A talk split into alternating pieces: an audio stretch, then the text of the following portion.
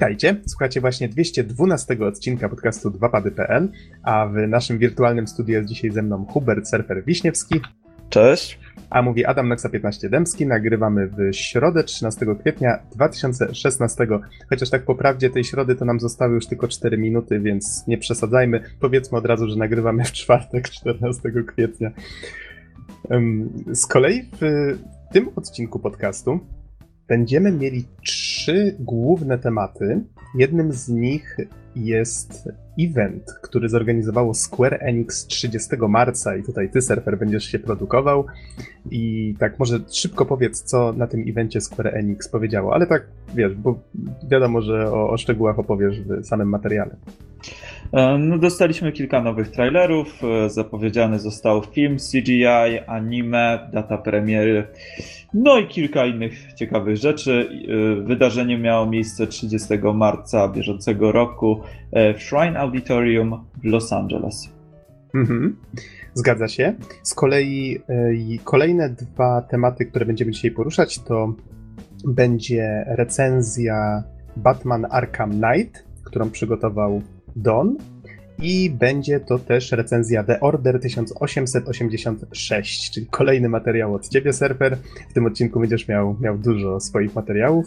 Y, I wydaje mi się, że warto wspomnieć o takiej ciekawostce, mianowicie nie przypominam sobie, żeby przez całą kilkuletnią historię podcastu ktoś przygotował materiał, który jest monologiem. Być może się mylę, no już trochę latek minęło, ale, ale właśnie ten twój materiał o evencie Final Fantasy, związany z Final Fantasy 15, e, przygotowałeś sam. Tak, to miało być, to było właściwie takie nagranie testowe, ale e, no, tak jak zresztą już stwierdziliśmy, że trochę szkoda by było je wyrzucać. Jest tam trochę takich użytecznych informacji w dosyć mocno skondensowanej formie. E, nie jest to nic perfekcyjnego, ale wydaje mi się, że przekaz jest w miarę fajny i, no i warto na pewno posłuchać. Jeżeli ktoś nie oglądał, no to na pewno mocno się zapozna z tematem, a jeżeli ktoś oglądał, no to może sobie przypomnieć, e, sprawdzić, co tam się konkretnie działo, więc wymieniam punkt po punkcie. Najważniejsze informacje, jest też troszeczkę ciekawostek i o serii, i o, o osobach, które tworzyły serię, no i o samym wydarzeniu, więc wydaje mi się, że warto posłuchać. Mhm. Ale jeszcze nim przejdziemy do tych materiałów, myślę, że wrócimy trochę do takiej naszej starej tradycji, delikatnie, czyli odrobinka ostatnich wydarzeń, chociaż może to, co po prostu zwróciło naszą uwagę, tak, bo y, boimy się nadal poruszać kwestii newsów, biorąc pod uwagę, jak się rozjeżdża czasem y, nasze nagrywanie i publikowanie, ale spokojnie, mam, mam nadzieję, że wrócimy do tego niedługo. I myślę, że warto wspomnieć przede wszystkim o tym, że 12 kwietnia, czyli we wtorek, miała miejsce premiera Dark Souls 3 i ja w tej chwili już mam tę grę zainstalowaną i jeszcze nie zdążyłem ani razu jej włączyć i w tej chwili muszę nagrywać ten wstęp, zamiast w nią grać. Ja też, mam, ja, ja też mam ją od ciebie zainstalowaną już. Serfer. Family sharing, no tak. Cwaniak. No już taka prawie rodzina tutaj na dwóch. Okej, okej. No to tak, jak ja będę spał, to korzystaj, korzystaj. A co tu jeszcze sobie takiego wynotowałem? Mianowicie wystartował Kickstarter gry Fear Effect Sedna. I choć jest to być może gra, o której wielu z naszych słuchaczy nie słyszało, to osoby, które pamiętają zamierzchłe nasze podcastowe czasy, wygrzewałem nawet w którym to był odcinku. To był odcinek 84. E, recenzowałem pierwszą część Fear Effecta. Wyszły dwie gry z tej serii. Trzecia była w planach, ale ostatecznie nigdy się nie ukazała. I Square Enix, które ma prawa do tej serii, przypomnę, że jakiś czas temu wystartowała taka akcja, w której można się jeżeli ma się zespół deweloperów, można zgłosić się do Square Enixu, powiedzieć, że jest się zainteresowanym konkretną marką i oni mogą po pewnej weryfikacji przydzielić, dać licencję tak, na tę markę, można wtedy próbować swoich sił w jej odnowieniu. To są z reguły marki, które Square Enix już prawdopodobnie nie ma albo pomysłu, ani albo powiedzmy e, środków, no nie wiem, powiedzmy nie jest zainteresowany kontynuowaniem tymi markami i po prostu chce się otworzyć na innych zewnętrznych deweloperów, którzy być może pamiętają tę serię i chcieliby je odnowić. No i Fear właśnie trafił do takiej akcji, chociaż z tego co widzę po tym Kickstarterze bardzo dużo osób ze starych zespołów trafiło do, do właśnie tego zespołu, który się zajmuje sedną i z tego co widzę liczba osób, które,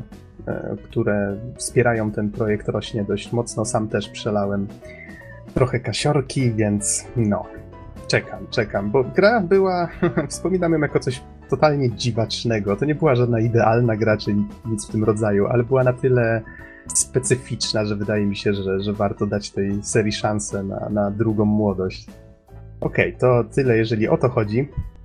E, czy masz może surfer jakiś, jakiś news, czy przejdziemy do takiego szybkiego, w co ostatnio graliśmy?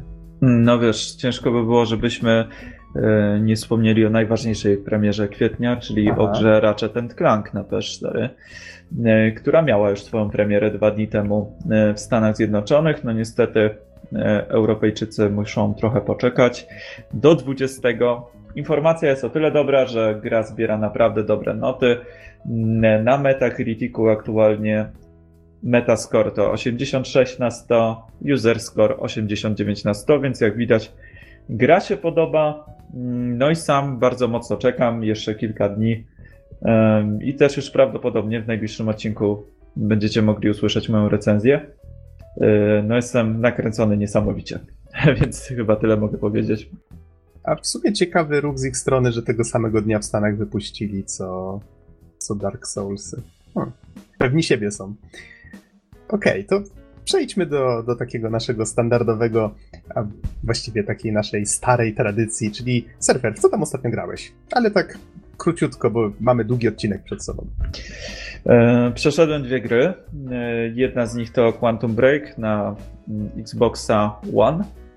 I tutaj recenzję też prawdopodobnie usłyszycie już niedługo ode mnie i od Iziego. E, no Easy chyba jeszcze nie miał okazji zagrać, ja już grę przeszedłem. Jest niestety dosyć krótka, 5,5 godziny z tego co patrzyłem, ale ma kilka ciekawych rozwiązań. Mm, bardzo fajny jest serial. No ale o tym już więcej może opowiem w samej recenzji. Generalnie gra mnie jakoś mocno nie zachwyciła, ale też nie była niczym złym trzeba powiedzieć, że ten serial na pewno mm, troszeczkę podniósł wartość tej produkcji. No a druga gra. E, serial masz na myśli ten serial, który produkowano razem z Grom? Tak, dlatego że gra jest podzielona na trzy elementy. E, jest zwykły gameplay, są tak zwane junction points, w których kierujesz głównym złym i wybierasz jedną z dwóch opcji według których e, potoczy dalej się gra i serial. Przy czym nie są to opcje na zasadzie bądź zły albo bądź dobry, tylko każda opcja jest na swój dobra, zła i na swój sposób dobra, więc e, to jest naprawdę fajne. No i trzecia rzecz to jest właśnie ten serial, który składa się z czterech odcinków, każdy ma 20 minut i jest całkiem fajnie zrobiony. Naprawdę widać, że tutaj się postarali, aktorzy grają w większości naprawdę nieźle. E, chyba też budżet nie był aż tak niski, przynajmniej nie ma takich momentów, że o Boże, jak to wygląda, czy jakieś nie wiem, elementy CGI, czy, mm, czy cokolwiek wygląda jakoś źle. Wszystko jest na swoim miejscu i wydaje mi się, że mm, fajnie się to wszystko wkomponowuje, więc e, każdy rozdział wygląda na takiej zasadzie, że grasz, później masz ten junction point i na końcu oglądasz serial i powtórka. Więc całkiem ciekawe rozwiązanie, naprawdę z tego powodu ta produkcja stała się taka no, nietypowa. Nie było chyba czegoś takiego wcześniej. Okej, okay, to w takim razie czekam na recenzję. A ja ostatnio grałem. W... A, przepraszam, przepraszam. Mówiłem, Co że dwie gry. Mówiłem, że dwie gry skończyłem, więc jeszcze a, jedno. A, a. No, no. E, no, i tutaj gra, e, w sprawie której niestety bije się w pierś bo ją bardzo mocno krytykowałem przez kilka ostatnich lat, czyli The Last of Us. Tym razem w wersji remastered na PlayStation 4 wraz z dodatkiem. No i muszę przyznać, że e, mimo tego, że nadal uważam, że początek gry, e, znaczy początek, może pierwsza, jedna, trzecie, jedna trzecia gry jest e, słabsza od reszty, to muszę przyznać, że jest to jedna z najmocniejszych gier, jaka ukazała się na poprzedniej generacji. No i ja kompletnie się zakochałem w historii Joela i Eli. E, no, ale to też recenzja będzie ode mnie i od Iziego. Izzy już kończy swoją grę. E, dodatek nie jest długi, więc mam nadzieję, że mm, uda nam się coś tutaj nagrać na kolejny odcinek. A dodatek jest bardzo fajny, polecam. Zdecydowanie fajne, tylko teraz pytanie, czy, czy warty swojej ceny, no ale też inna sprawa. A, no, nawet w tym się nie orientuję, więc nawet nie jestem w stanie się wypowiedzieć. No, 42 zł za 2,5 godziny, no 2,5 godziny gry, więc... Mhm. Okej, okay, rozumiem. Każdy, rozumiem. każdy musi sobie ocenić. A jeżeli o mnie chodzi, ja ostatnio zacząłem grać, chociaż myślę, że już powoli kończę, Hyper Light Drifter. Gra, o której chyba już na podcaście wspominałem przy okazji jakiegoś newsa. Jest to coś, co okazało się być całkiem fajną Zeldą, chociaż bardziej skupioną na takiej slasherowatej części. Nie będę może się w tej chwili rozwijał na ten temat, bo też prawdopodobnie prędzej czy później zrecenzuję na podcaście tę grę, ale jest, ma dość specyficzną kolorystykę, specyficzną oprawę muzyczną, taką oldschoolową, można by powiedzieć, kojarzącą się troszeczkę z latami 80., jeżeli chodzi o, o kolorystykę, a, a, muzyka jest, kojarzy się właśnie z takimi starszymi tytułami na, na starsze konsole. I ma taki dość specyficzny klimat, ale gra się w to bardzo, bardzo fajnie. Na takie krótkie posiedzenia sprawdza się idealnie. Myślę, że szczególnie jak ktoś lubi takie gry oparte na eksploracji, to, to się tutaj odnajdzie gra jest całkiem fajna, więc mogę już tak polecić nawet, nawet przed recenzją. E, dobrze, i wydaje mi się, że nie ma co przedłużać. Mamy jeszcze dużo materiału przed sobą, tak więc zapraszamy Was najpierw na materiał o Final Fantasy XV, potem na recenzję Batmana Arkham Knight, a na samym końcu na recenzję The Order 1886. Cześć, nazywam się Hubert Surfer Wiśniewski i dzisiaj porozmawiamy sobie co nieco o Final Fantasy XV Uncovered. Było to wydarzenie e, mające miejsce 31 marca bieżącego roku, czyli roku 2016, mające e, na celu przybliżyć nam co nieco Final Fantasy XV, przekazać co nieco informacji na temat tej produkcji, jak zapewne część z Was już wie, Final Fantasy XV zostało zapowiedziane początkowo jako Final Fantasy Versus 13. Miało to miejsce prawie 10 lat temu, więc e, już trochę czasu minęło i e, wiele osób zastanawiało się jeszcze kilka lat temu, czy ta gra w ogóle powstanie. Dlatego, że był taki, można powiedzieć, Mm, praktycznie kilkuletni blackout, y, jeżeli chodzi o Final Fantasy Versus 13. Mm, niby coś tam Square informowało na bieżąco, że gra nadal powstaje, że mm, będzie miała swoją premierę jeszcze wtedy w planach na konsolę PlayStation 3. No jak się okazało, bodajże na E3 2013 roku Final Fantasy Versus 13 przeszło taki rebranding, zostało ujawnione jako Final Fantasy 15. No i tutaj była drobna zmiana ekipy, kto inny zajął się e, produkcją. E, wcześniej był to Tetsuya Nomura, osoba, która no, w Square pracuje już od bardzo wielu lat, jest odpowiedzialny za m.in. design postaci, na pewno już od części siódmej, być może nawet i wcześniej. No tutaj niestety, jak widać, jako dyrektor się nie do końca sprawdził. E, pałeczkę po nim przejął Hajime Tabata, osoba znana między innymi z, ze współpracy przy takich produkcjach jak Final Fantasy Crisis Core e, czy ostatnimi czasy Final Fantasy Type Zero. No i cały event trwał um, prawie 3 godziny. Był pre-show, na którym no, były troszeczkę takie luźniejsze um, wydarzenia typu rozmowy z fanami, z cosplayerami. No i to było generalnie takie typowo japońskie, w typowo japońskim E, nastroju i humorze utrzymane, więc e, mam wrażenie, że dla ludzi z Europy czy z Ameryki mogło to się wydawać troszeczkę momentami głupie, ale oglądało się to nawet przyjemnie, no i troszeczkę e, podbudowywało to tę atmosferę nadchodzącego wydarzenia. Warto zaznaczyć, że dzień wcześniej były drobne wycieki. Wiadomo już było przed samym wydarzeniem, kiedy gra się pojawi. Wiadomo było także, że pojawi się demo jeszcze tego samego dnia. No i jak później się okazało, te przecieki jak najbardziej się sprawdziły. Mm, no i cóż, może powiedzmy w takim razie co nieco o, o samym wydarzeniu. Trwało ono godzinę. Zostało podzielone na takie, e, może podzielone to za dużo powiedziane, bo nie było to może jakoś bardzo mocno rozdzielone, ale e, miało być takich 14 ujawnionych informacji. Ostatecznie okazało się, że jest ich 15. Całe wydarzenie było prowadzone przez E, hostów Kinda Funny Games, e, Grega Millera i no drugiej osoby, już nie pamiętam jak się nazywa, ale nie jest to takie ważne. W każdym razie yy, prowadzący no, podeszli do, dosyć do tego yy, humorystycznie. Całość według mnie była przeprowadzona całkiem sympatycznie. Widziałem na internecie, że trochę ludzie narzekali, że może za mało podchodzą poważnie do tego wszystkiego, że Greg Miller nie zna aż tak dobrze serii Final Fantasy, o czym zresztą wspominał kilkukrotnie. Nie wstydził się jakoś tego mocno według mnie nie wyszło to źle. Zdecydowanie e, prowadzenie na plus. No i e, tak jak już wspominałem, e, jest, było takich 15 sekcji, 15 mm, różnych informacji, które zostały zapowiedziane. No i teraz może przejdźmy w takim razie przez pierwsze 8.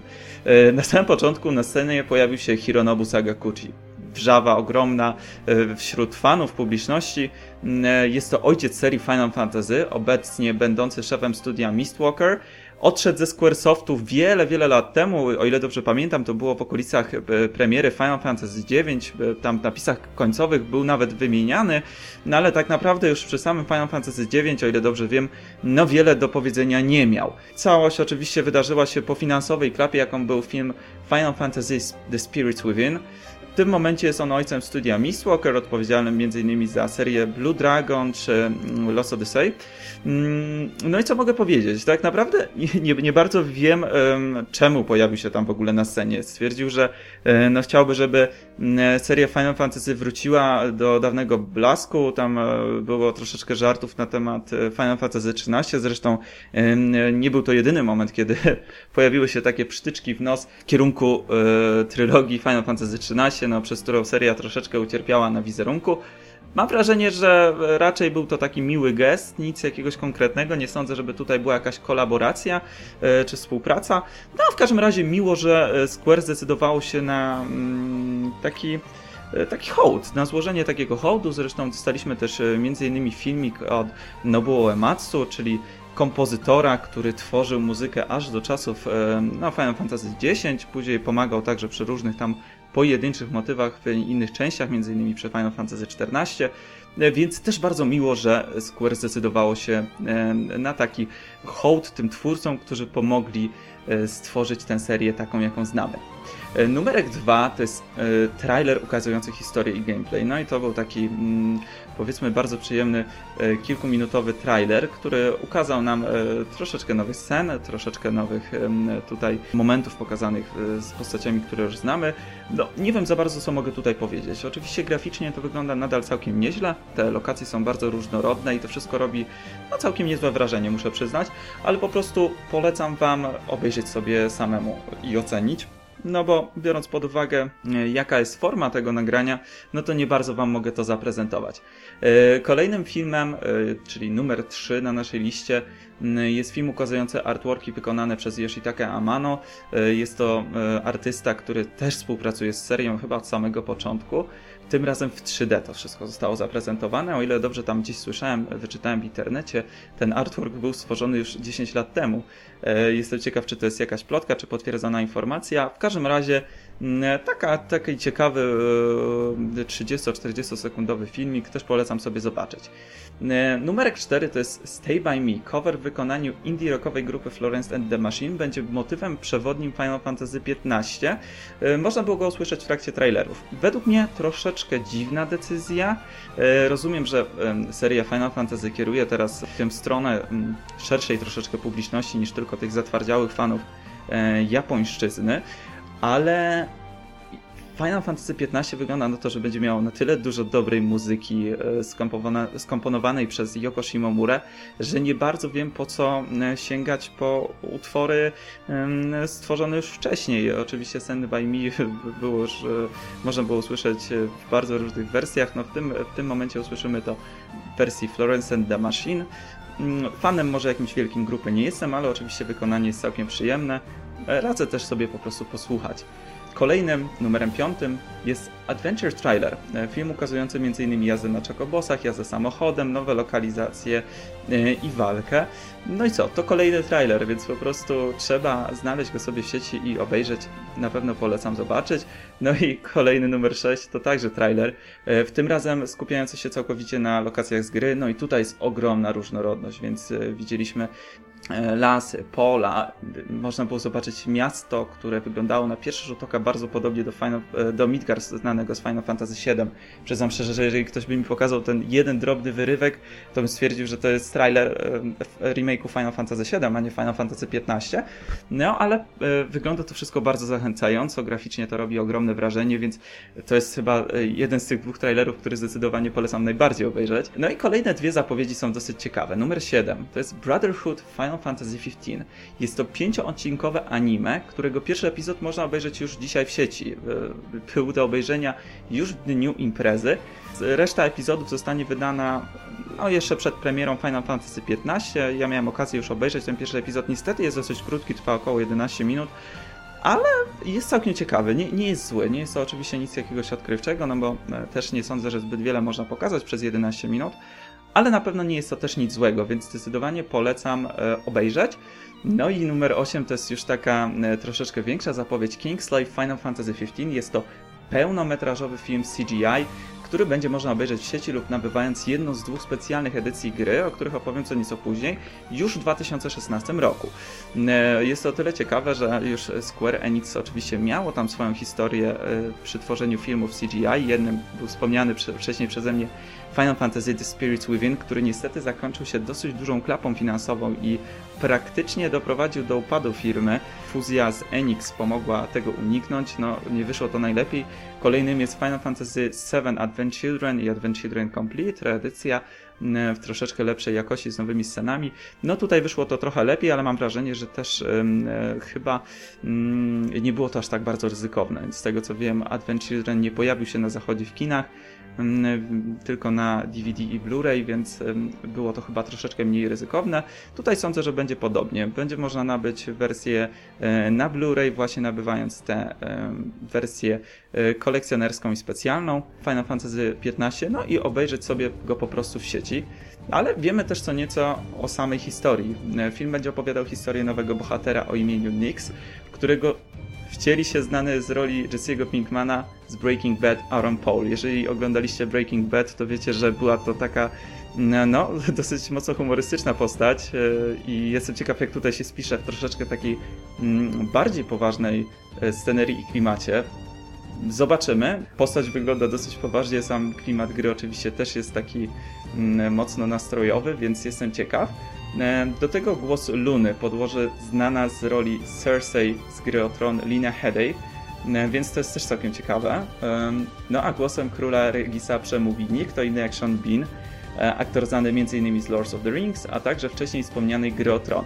Więc widać, że Square um, wierzy w swoją markę, wierzy w Final Fantasy, 7, Final Fantasy 15, przepraszam bardzo, um, wierzy w Final Fantasy 15 i tworzy koło tego całe E, całą taką kompilację, można powiedzieć, e, dodatkowych produktów, które rozszerzą to uniwersum. Z jednej strony bardzo fajnie jest zobaczyć, że Square znowu wierzy w to, co robi, że nie są tacy troszeczkę słamszeni jak w przypadku Final Fantasy XIII i podchodzą do tego bardzo poważnie. Z drugiej strony na pewno muszą wyłożyć na to ogromne finanse, więc jestem ciekaw, czy nie jest to zbyt duże ryzyko, no i w przypadku ewentualnej no, miejmy nadzieję, że jednak nie, ale jeżeli by się tak wydarzyło, że Final Fantasy XV okaże się jakąś klapą finansową, no jak to się odbije na kondycji firmy. Miejmy nadzieję, że wszystko będzie w porządku. No i przejdźmy w takim razie do numeru 9. I numer 9 jest dosyć nietypowy. W wyżej wspomnianym filmie Kingslave pojawi się specjalna edycja Audi R8, którego zostanie wyprodukowana tylko jedna sztuka. E, więc jak widać Audi i Square Enix podjęło jakąś formę współpracy, e, więc stąd może też e, częściowo aż tak duży budżet na różnego rodzaju produkcje związane z tą powiedzmy kompilacją Final Fantasy XV. Mm, oczywiście ten samochód możecie zobaczyć na samym trailerze, jak i na różnych materiałach promocyjnych.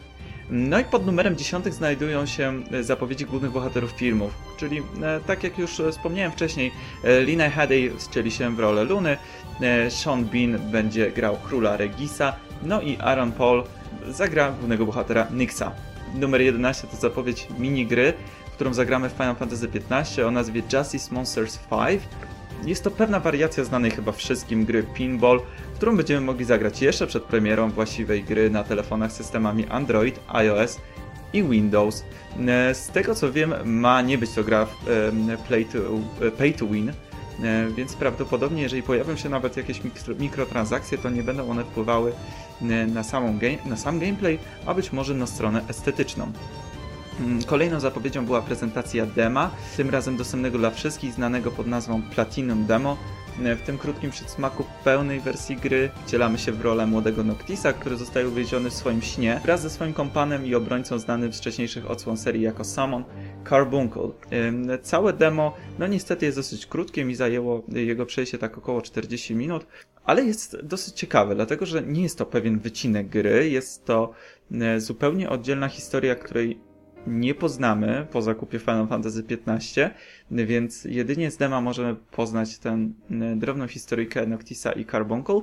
Dodatkowo e, po przejściu dema zostają odblokowane dodatkowe e, elementy już w pełnej wersji gry. I tak na przykład samą Carbuncle może być zdobyty tylko i wyłącznie po przejściu dema. Podobno mają być też jakieś dodatkowe bronie. No więc jest to takie dosyć ciekawe. No na temat dema chciałbym się może wypowiedzieć troszeczkę innym razem, bo to jest sprawa mm, dosyć kontrowersyjna, troszeczkę podzieliła graczy, e, no i nie dziwię się czemu, ale może o tym innym razem. Numer 13. E, to są dwie edycje gry, e, które zostały zapowiedziane. O nich też już troszeczkę wcześniej wspominałem. Pierwszą jest Deluxe Edition, w skład której wchodzi Steelbook, film Kingslave, no i sama gra. Cena to 89,99 dolarów amerykańskich, no czyli te prawie 30 dolarów więcej niż e, standardowe wersje gier, no trzeba liczyć, że będzie to kosztować zapewne około 400 zł e, w przeliczeniu na złotówki.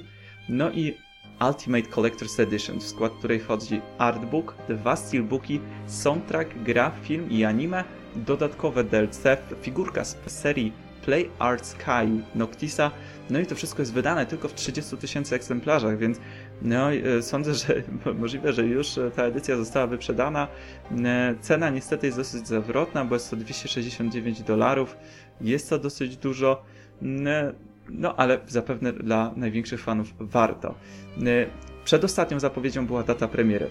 30 września 2016, to już wiedzieliśmy jeszcze tego samego dnia, przed samym wydarzeniem została ona no, podana już wcześniej przypadkowo przez jeden z, y, z portali growych. Jest to całkiem niezła wiadomość, bo to oznacza, że już za niecałe pół roku zagramy w Final Fantasy XV. No i ostatnim, 15 elementem całego wydarzenia był ostatni trailer i gameplay, w którym mogliśmy zobaczyć m.in. latający samochód, więc pewien rodzaj latającego sprzętu został potwierdzony, e, no, rzuca to troszeczkę nowe światło na eksplorację i to, jak ten świat będzie skonstruowany. Jestem bardzo ciekaw, jak to będzie wyglądać. No, na pewno, na pewno w najbliższych miesiącach czegoś się jeszcze e, na ten temat dowiemy. No i tutaj zakończyła się właśnie po równej godzinie mm, ta główna część spektaklu, na której właśnie były zapowiedzi. No i trzecią godzinę pełniły różnego rodzaju E, filmiki dosyć mocno humorystyczne, między innymi z Epic Mealtime, e, które też tutaj e, wraz z Tabatą coś ugotowali, więc to też był taki takie śmieszne odniesienie do tego, że nasi bohaterowie w też będą gotować, więc tutaj znani na YouTubie ze swojej serii kulinarnych szaleństw Epic Mealtime zrobili wspólny posiłek z Tabatą i nagrali przy okazji tego pewien materiał. E, dodatkowo były tam różne inne e, informacje i wywiady. No i, i tak na dobrą sprawę to by było tyle. E, śmieszne było to, że komentarze ludzi przed samym wydarzeniem były takie, że skoro już znamy datę premiery i wiemy, że będzie demo, to co tutaj innego się może pojawić.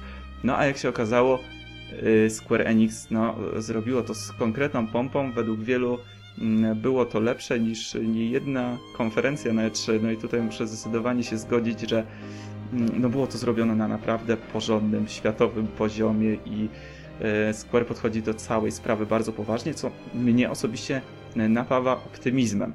E, widać, że Final Fantasy XV to jest dla nich aktualnie największy projekt. Bardzo się starają, żeby on wyszedł jak należy. No i cóż, no, możemy tylko i wyłącznie czekać, mm, e, czekać i zobaczymy, jak to wszystko wyjdzie. No tak jak już wspomniałem wcześniej, jest demo, więc jeżeli jesteście posiadaczami konsoli PlayStation 4 bądź Xbox One, to już w tym momencie możecie ściągnąć Platinum Demo. E, duża część osób, w tym i ja, grała także w demo dostępne z pierwszymi kopiami Final Fantasy Type Zero, Episode Dusk. mm, który był całkiem też niezłą reprezentacją tego, jak wyglądać będzie e, styl graficzny, e, jak sama gra będzie mniej więcej grana przez nas i jak to wszystko będzie wyglądać. No akurat epizod Dusk uważam, że było troszeczkę ciekawszym demem niż e, to najnowsze Platinum demo, no ale jeżeli nie mieliście jeszcze okazji zagrać, no to zdecydowanie warto się tym zainteresować. No i cóż, czekamy. Zostało pół roku, nareszcie będziemy mieli okazję zagrać w kolejną pełnoprawną część serii, no i sobie i Wam tego życzę, żeby okazała się zdecydowanie lepsza od trylogii Final Fantasy XIII. Miejmy nadzieję, że będzie to powrót do czasów świetności. No i dziękuję bardzo za wysłuchanie. Uważam, że akurat okazja jest całkiem ciekawa. Ja jako wielki fan serii y, jestem naprawdę zadowolony, że mogłem coś takiego dla Was stworzyć. No i mam nadzieję, że troszeczkę Wam y, tutaj, nawet jeżeli y, nie przybliżyłem mocno serii, no to troszeczkę odświeżyłem to wydarzenie, bądź jeżeli nie oglądaliście, no to macie takie podsumowanie. Do usłyszenia!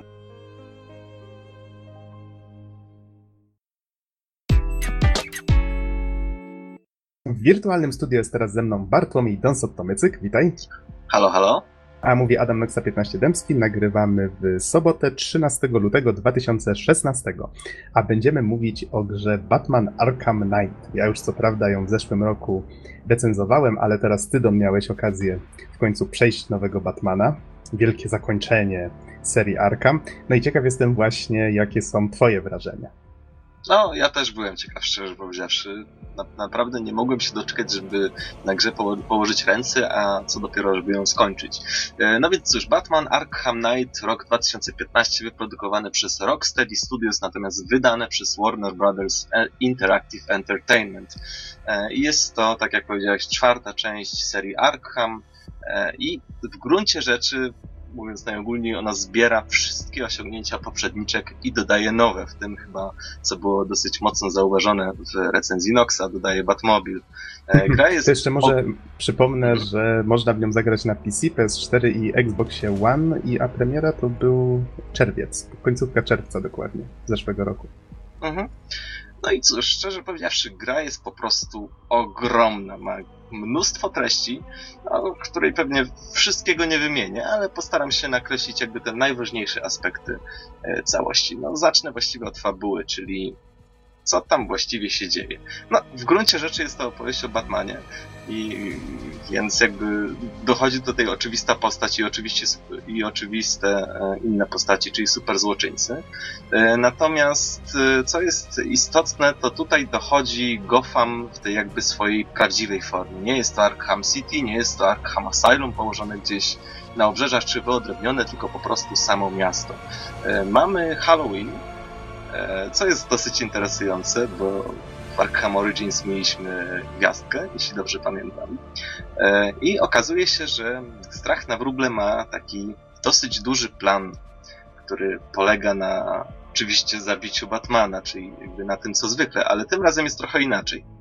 Przede wszystkim zebrał on wszystkich zbirów z Gotham, a także wszystkich super złoczyńców, jakich tylko mógł. I no właśnie w tym jednym celu, Poza tym publicznie zagroził miastu, że uwolni toksynę strachu, co jakby stworzyło pewne podstawy do stworzenia całego settingu, czyli właściwie całe Gotham zostaje ewakuowane i pozostają jedynie policjanci w siedzibie policji GCPD, e, a także Batman oraz cała masa zbirów i super złoczyńców. Jakby tego było mało, do gry wchodzi też zamaskowany rycerz Arkham, który właściwie nie wiadomo kim on jest i w gruncie rzeczy zagadka jego tożsamości mm, jest, jest dosyć ważną sprawą jakby w obrębie całej gry.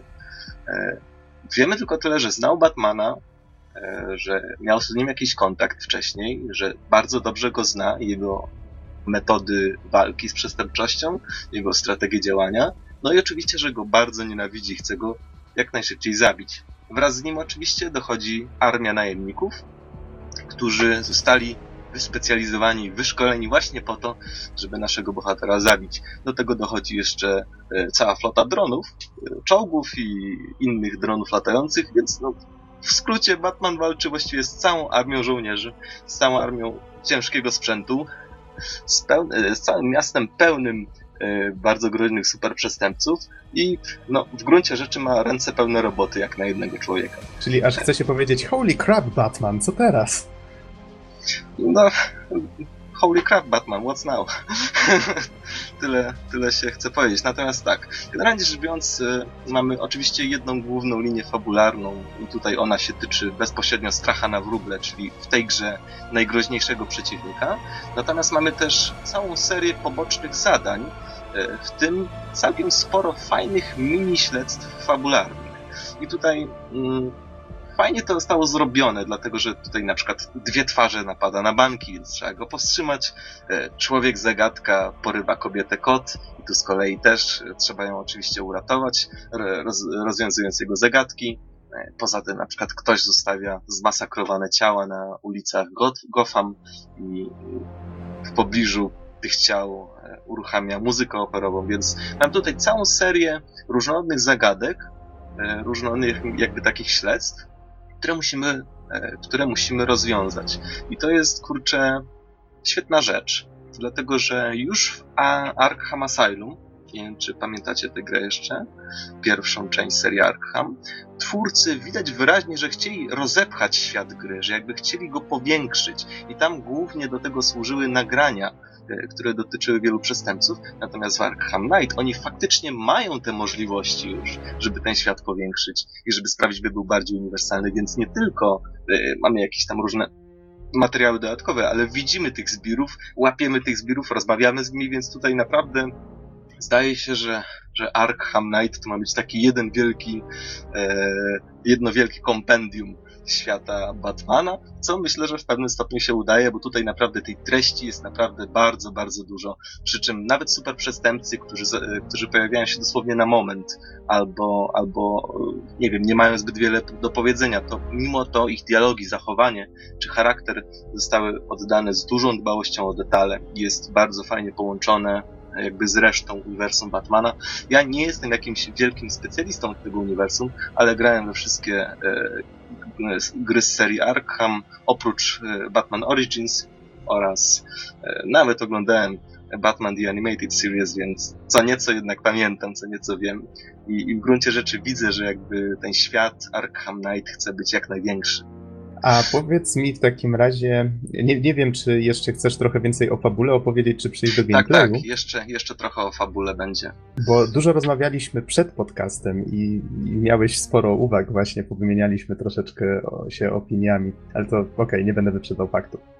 Więc no, podsumowując, Batman ma ręce pełne roboty, ale do tego dostajemy bardzo enigmatyczną informację, że oto tej nocy zginął Batman.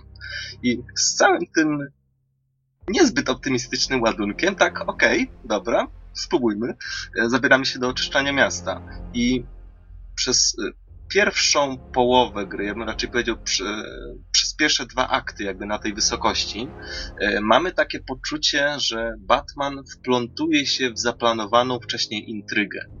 Że z jednej strony posiada on duże środki do tego, żeby walczyć z przeciwnikami, posiada wielkie umiejętności, no w końcu jest wspaniałym wojownikiem i oczywiście najlepszym detektywem na świecie.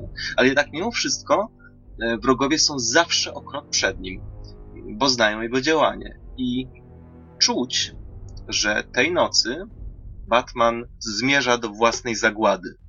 Że to jest nieuniknione i częściowe sukcesy, które w końcu się osiąga, tylko przedłużają cały proces. I to jest fenomenalne, e, fenomenalne e, zagranie, bo nastrój w ten sposób jest mroczny, ponury, nawet co nieco przygnębiający. Napięcie oczywiście też nas nie opuszcza, cały czas mamy ten poczucie, że jesteśmy o krok za przeciwnikami. E, no i też jest moim zdaniem kluczowe wrażenie dla gry, które brzmi mniej więcej tak. Jeśli bawisz się w bohatera, ludzie będą ginąć. Jeśli przestaniesz, ludzie też będą ginąć. Więc jedyne co możesz zrobić, to wybrać, którzy będą ginąć.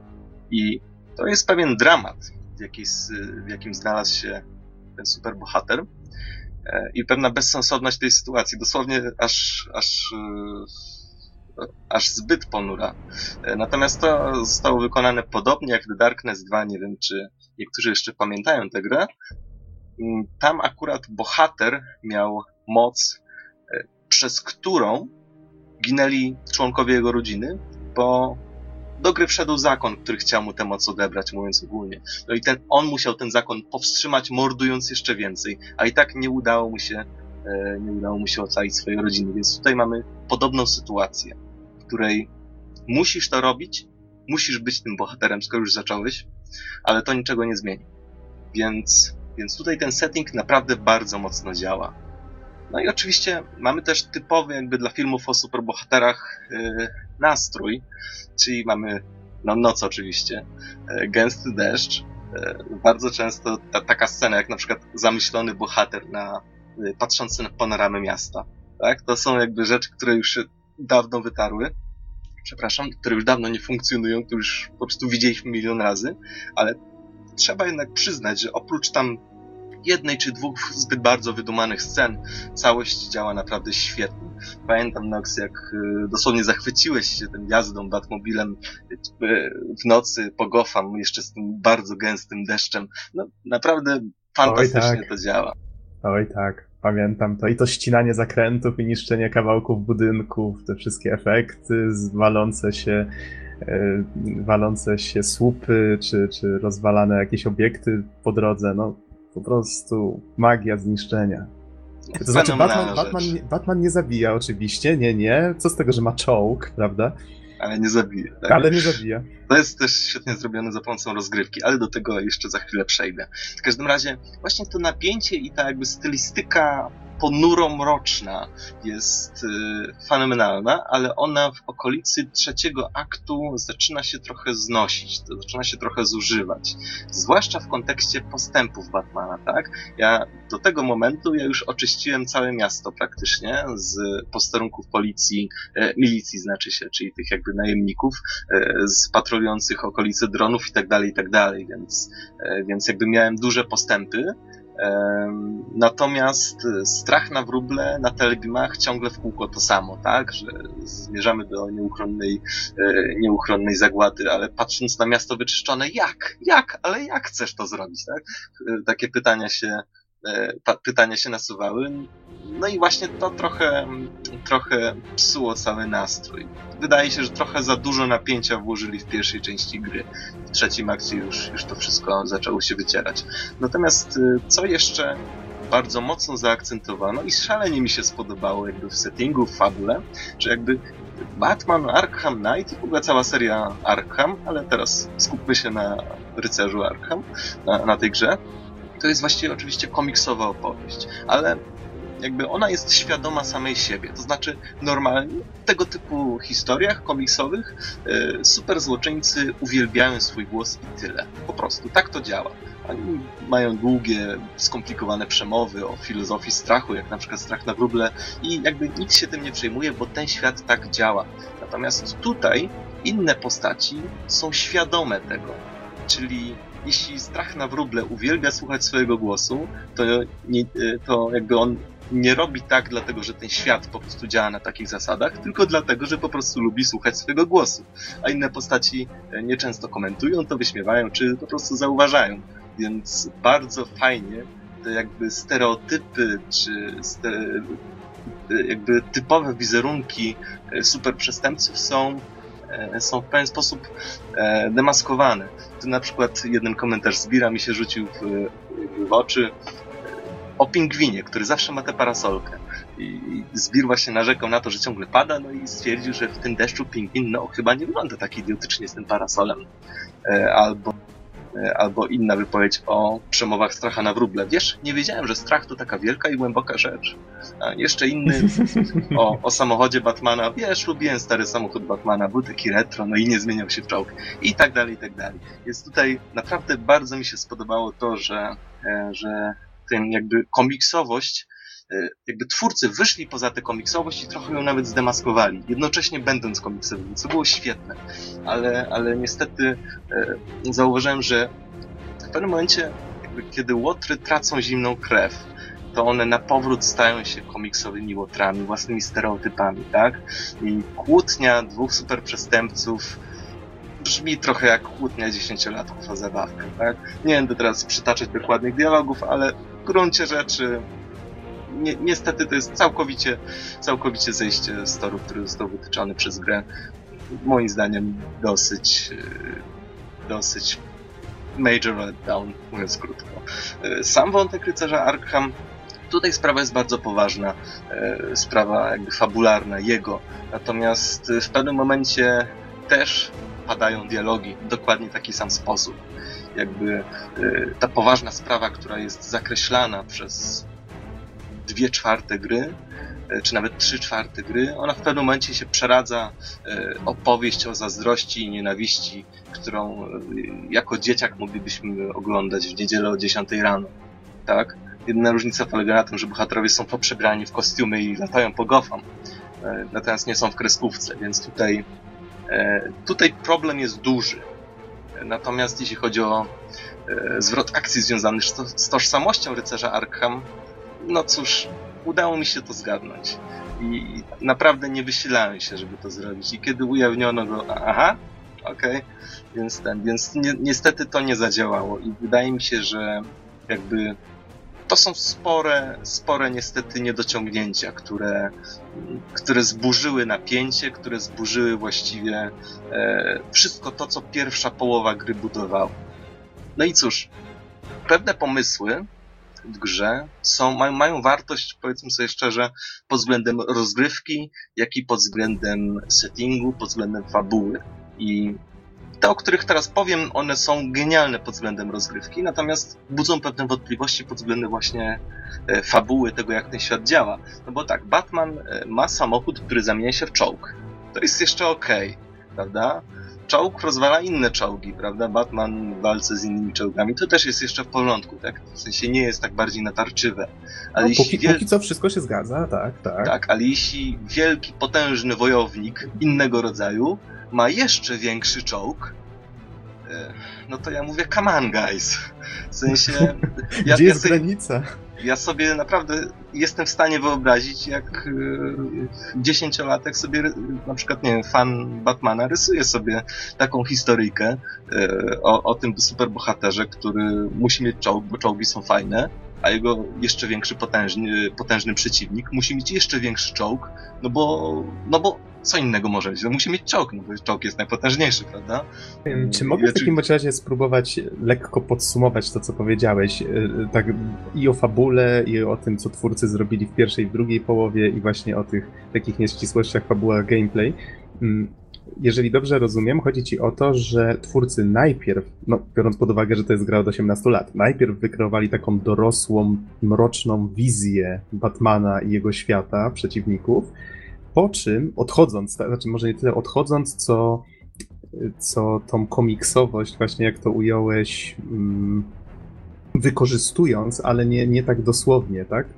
robiąc ją taką świadomą, po czym w kolejnej połowie gry albo w niektórych jej fragmentach znowu wracają nachalnie do tej komiksowości, robiąc z tego właśnie taki taką troszeczkę kreskówkę. No to właśnie do takiej naiwnej komiksowości, co, mm -hmm. co właśnie jakby ci ludzie wiedzą o co chodzi w komiksowości, potrafią jakby wyjść ponad nią, a mimo to e, duża część gry, jakby poza pierwszą połową, całkowicie neguje to, co już ustalono na początku. To jest bardzo bolesne. E, jednak kolejna rzecz, która naprawdę bardzo mocno mnie zabolała i to nie tylko właśnie jeśli chodzi o, o, jakby o komiksowość, e, ale też jakby o pewne podstawy tworzenia zwrotów akcji. Otóż no hej, wprowadzamy poważny twist, tak? Zwrot akcji, coś ważnego się dzieje. I, i wtedy e, no tak, no i wtedy mamy jakieś wrażenie, mamy jakieś poczucie, że coś się stało. Jakie ono jest dokładnie, to tam nie wnikajmy, ale tak, zwrot akcji jakiś tam robi wrażenie. Natomiast problem polega na tym, że twórcy postanowili zrobić drugą niespodziankę, która polega na tym, że hej, niespodzianka. Ten poważny twist, który widziałeś, on jest nieważny, bo było tak jak przed nim. I w ten sposób dwa razy z rzędu w dwóch kluczowych sprawach dla gry zanegowali własny twist. Jakby to jest najgorsza, najgorszy możliwy sposób na to, żeby zrobić zwrot akcji. I e, nie będę się teraz rozwijać dokładnie, jakie to są aspekty i dlaczego. e, bo po prostu to mogłoby zespoilować wam rozgrywkę. Natomiast dwie kluczowe gry, e, dwie kluczowe sprawy dla gry zostały zanegowane i moim zdaniem one trochę zaważyły na, na sensie całej produkcji i na, na jakby na, na tym, jak została skonstruowana na początku. Więc tutaj, tutaj niestety major letdown. Ale żeby nie kończyć źle, muszę powiedzieć, że właściwe zakończenie i, i sposób, w jaki zostało skonstruowane, jest po prostu niesamowite. Nie będę teraz mówić dokładnie o co chodzi, ale jest to, jest to sekwencja, a raczej pe pewna grupa sekwencji, które moim zdaniem przepraszam, licują z tym, o czym mówił Strach na wróble, jak brzmiały jego groźby, jak brzmiał, jakby, jak w ogóle, jaki wydźwięk miała pierwsza część gry. To było coś na pewno wielkiego, ale bardzo mrocznego i dojrzałego, na pewno głębszego niż, niż tak druga połowa gry cała, e, a także, co mi się bardzo spodobało, pełne metafor. I oczywiście metafory, którymi się posługiwano, nie były niczym wymyślnym. E, nie było nic jakoś specjalnie subtelnego czy, czy wieloznaczeniowego, to było raczej, raczej nic takiego fancy. Natomiast działało bardzo dobrze. I po pierwsze spełniło swoją rolę, po drugie, no, nawet do pewnego stopnia poruszyło. Więc, więc tutaj naprawdę stanęli na wysokości zadania i szczerze powiedziawszy, wolałbym, żeby cała gra wyglądała właśnie tak, żeby była mroczniejsza, dojrzalsza, i nawet mm, posługiwała się trochę większą ilością e, dwuznaczności. Byłoby naprawdę fenomenalnie. Dobra, to jest tyle jeśli chodzi o fabułę. Mniej więcej to, co, co mnie trochę zniechęciło do gry, zostało tu wymienione. Mhm. Ale teraz muszę, przejdźmy... muszę przyznać, tak dam ci chwilę wytchnienia, wtrącając się w słowo.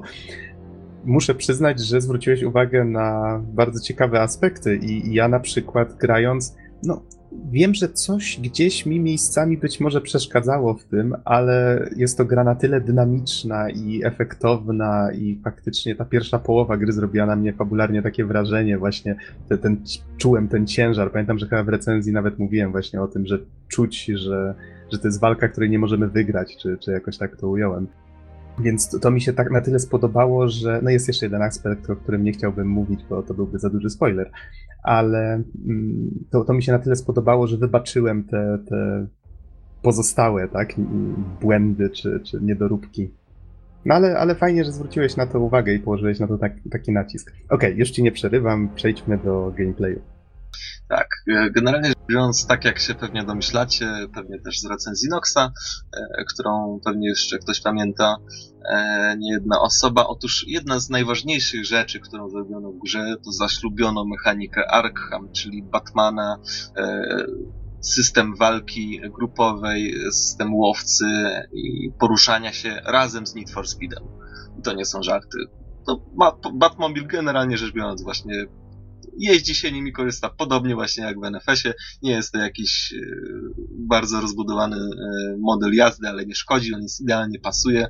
Natomiast, no właśnie, Batmobile jest genialnie wpleciony w rozrywkę. On jest tak dobrze w niej umieszczony, że czujemy się jakby jego jakby on był przez te wszystkie gry w tej grze. Jakby on był nierozłączną częścią e, serii Arkham i w gruncie rzeczy jakby nie był niczym nowym, tylko czymś zupełnie normalnym. E, generalnie rzecz biorąc, pojazd Batmana uczestniczy właściwie we wszystkich najważniejszych wydarzeniach w grze. E, więc mamy z jednej strony jazdę e, po mieście i walkę w formie czołgu. Tak, on się zmienia w czołg i możemy, możemy strzelać zarówno z działa 60 mm, jak i działka Vulkan, czyli czegoś w rodzaju po prostu no, karabinu. Tak. Natomiast, natomiast te elementy zostały świetnie połączone z mechaniką ruchu Batmana. Tutaj mam na myśli na przykład nokauty z użyciem samochodu. Jeśli samochód w pobliżu gdzieś tam stoi i jest, został opuszczony w trybu czołgu, to możemy właśnie, jakby to jest jako nokaut środowiskowy liczony, czyli najpierw Batman podrzuca postać e, przeciwnika do góry, a ta zostaje trafiona, trafiona pociskiem nokautującym, więc tutaj świetna rzecz. Po drugie... Naturalnie, to, są, naturalnie to są gumowe kule. Tak, to są... To, też zaraz o tym powiem. E, okay. rozwiązywanie zagadek Batmobilem, wykorzystanie wyciągarki, żeby na przykład e, opuścić się na ścianę pionową, e, albo gdzieś się wspiąć, e, zniszczyć jakąś inną ścianę. No tutaj naprawdę możliwości tego pojazdu zostały wykorzystane chyba na 100%, jeśli, jeśli, jeśli nie mniej. W każdym razie bardzo mocno. I naprawdę czuć, że to jest, y, że to jest bardzo ważna postać w tej grze, dosłownie druga postać, i że jest nieodłącznym elementem.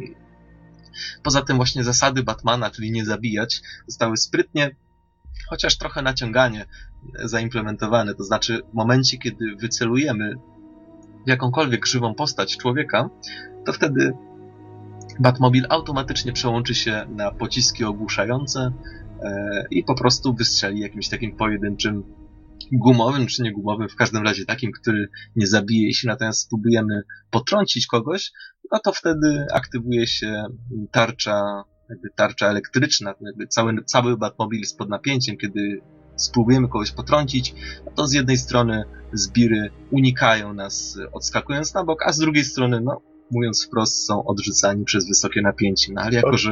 Oczywiście pamiętajmy, że palnięcie kogoś samochodem pędzącym ponad 150 km na godzinę wcale nie poprawia sytuacji. Ale ten, ale no, w gruncie rzeczy jakby e, w ten sposób zostało to wyjaśnione, bardzo sprytnie. Tym bardziej y, dobrze, że w sumie miasto jest pełne zbirów, tak? Dom, domyśle cywile wszyscy się ewakuowali, więc kopnięcie kogoś prądem nie powinno nikogo e, nikogo poruszyć z policji na przykład, czy stróż prawa. A to widziałem, pamiętam takiego starego mema z gifem właśnie, jak możemy przyzywać radiowo Batmobil i Batman się nie rusza, cała grupa zbirów nagle zostaje takim, takim pięknym poślizgiem i wszyscy padają właśnie od tego prądu i był taki podpis Batman wybacza, Batmobil nigdy. W każdym razie jeszcze y, drobny, drobny detal. Bardzo fajny motyw. Ja raz zostawiłem Batmobil, znaczy raz. Często zostawiałem Batmobil, potem możemy go przywoływać, tak samo jak Płotkę w Wiedźminie, tyle że Płotka jest, y, ma mniejszy wpływ na, na historię Wiedźminy niż Batmobil na historię Batmania przykro mi. Mam nadzieję, że płotka kiedyś zostanie doceniona. No, moim zdaniem to jest niedoceniony superbohater, bo potrafi się teleportować na każdą wyspę. Nieważne jak daleko jesteśmy. W każdym to razie prawda, zostawiłem kiedyś Batmobil e, na ulicy i byłem bodajże na jednym dachu wieżowców i zobaczyłem, że zbiry najzwyczajniej w świecie interesują się nim, tak? Podchodzą do niego, dotykają, tam nie wiem, próbują zniszczyć, czy coś, czy coś w tym rodzaju, natomiast e, wyświetlił się przycisk aktywuj system zabezpieczeń. Po prostu w tym momencie e, włączyła się elektryka i wszyscy zostali odrzuceni. Więc tutaj naprawdę to jest tak drobna rzecz, ale, ale bardzo fajnie zrobiona.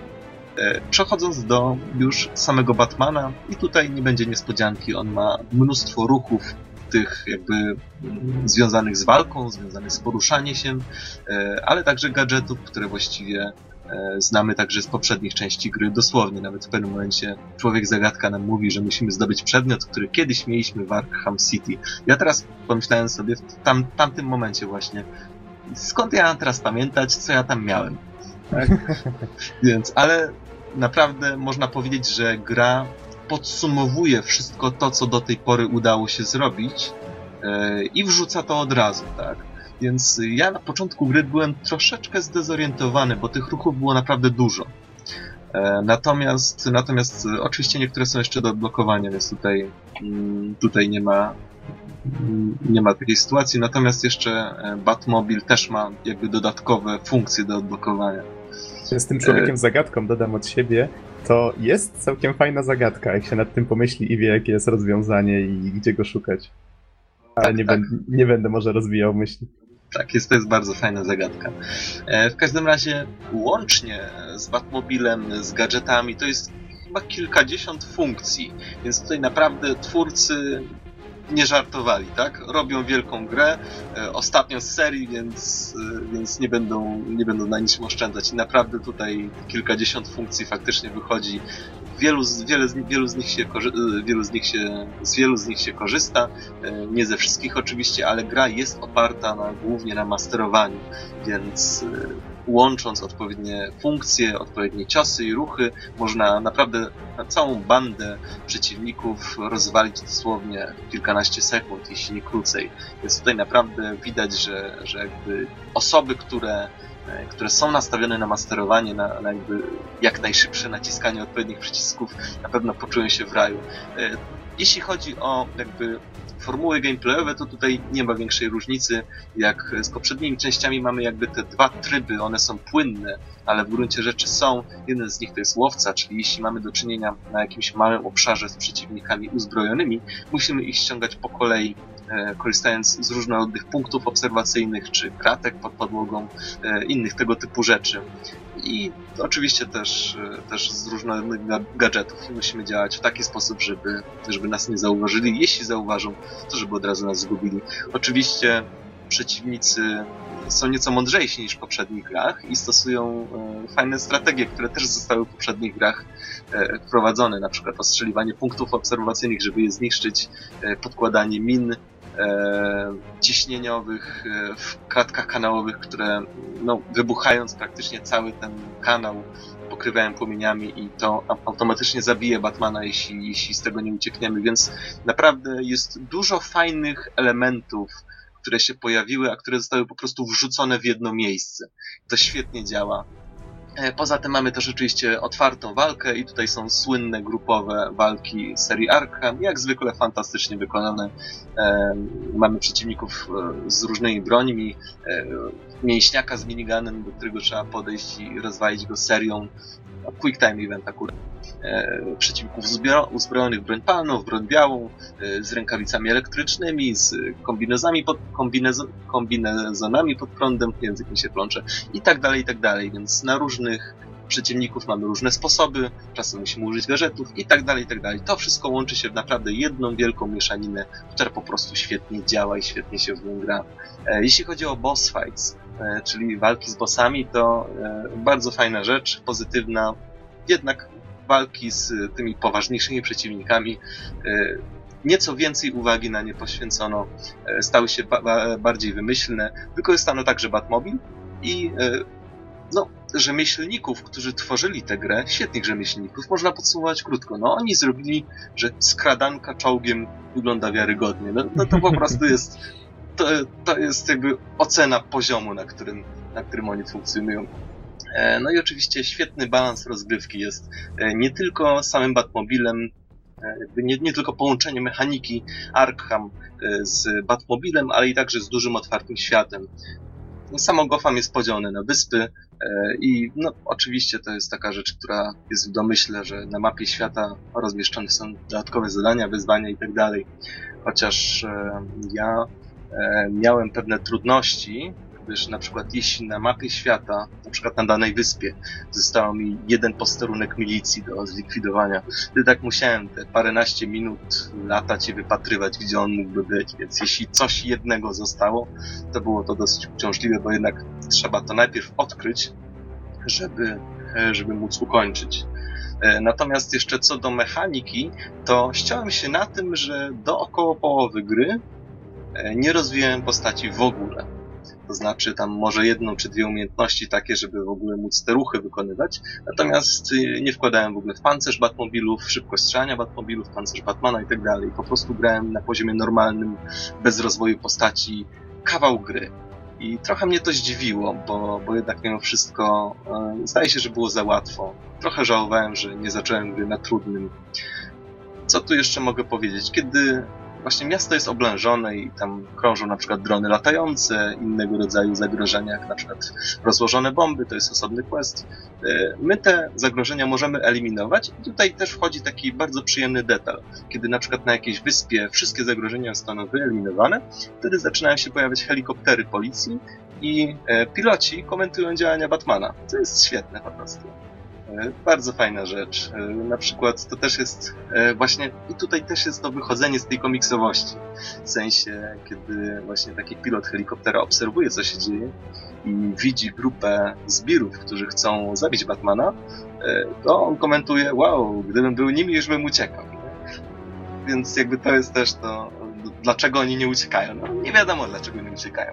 Więc, no cóż, podsumowując, jakby gameplay, gra jest naprawdę wielka, ma bardzo dużo zawartości, e, to jest, wychodzi na około 50 godzin gry.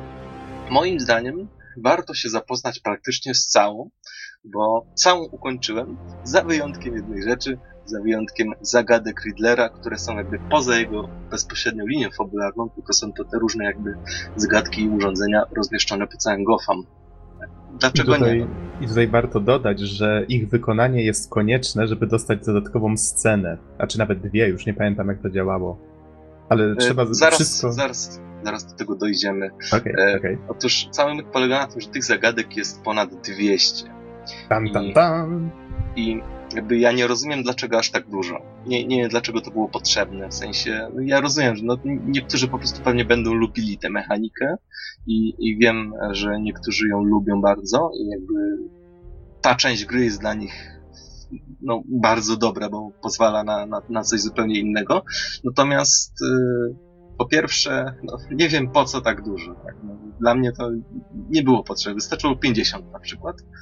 E, ale też, e, też nie za bardzo byłem za przechodzeniem tych zagadek, e, dlatego że no, czytając treść łamigłówki o postaci, której nie znam, w miejscu, które nie znam i, i zawierającą wskazówkę, której nie znam, bo na przykład nie znam się na tyle na uniwersum Batmana, dla mnie wniosek jest prosty. To może być wszystko. I e, trochę tak było. Poza tym, e, poza tym niektóre z zagadek zwłaszcza urządzeń rozmieszczonych w Gotham, one wymagały bardzo specyficznego, specyficznego użycia mechaniki gry. I na przykład ja e, przez całą grę ani razu nie użyłem ślizgu. Mało tego, nawet nie wiedziałem, że coś takiego jest, bo już zapomniałem. Tam w Arkham Asylum bodajże było wprowadzone, a teraz już tego po prostu nie przypominali, bo, bo, bo nie, bo jest wiele innych rzeczy, na których trzeba się skupić. E, I po prostu wypadło mi to z głowy. I, dopiero kiedy obejrzałem e, na YouTubie rozwiązanie jednej z zagadek, stwierdziłem, no tak, no śliski. Przejrzałem instrukcję gry, żeby się upewnić, że jest ślisk. No i okazało się, że jest. Natomiast, e, natomiast jednak właśnie w tym był problem. To może być wszystko. I, i były trochę, e, trochę przegięte niektóre, zdaje się. Okay, jeśli chodzi o DLC, jest ich całkiem sporo. O, niektóre są fabularne. Ja wypróbowałem jedno, e, z Harley Quinn akurat. No i widziałem też e, ze dwa inne, fabularne i w gruncie rzeczy te DLC to było około 15-20 minut gameplayu z odrobiną fabuły i dialogów, ale na przykład z perspektywy innej postaci, czyli na przykład Harley Quinn. E, no i tak jak moja zasada brzmi, w gruncie rzeczy, jeśli ktoś nie jest takim hardkorowym fanem Batmana, chyba nie warto kupować, ale jeśli już są, na przykład w jakiejś rozszerzonej wersji gry i po prostu stały dodane, to warto spróbować. Dlaczego nie? Są bardzo przyjemne.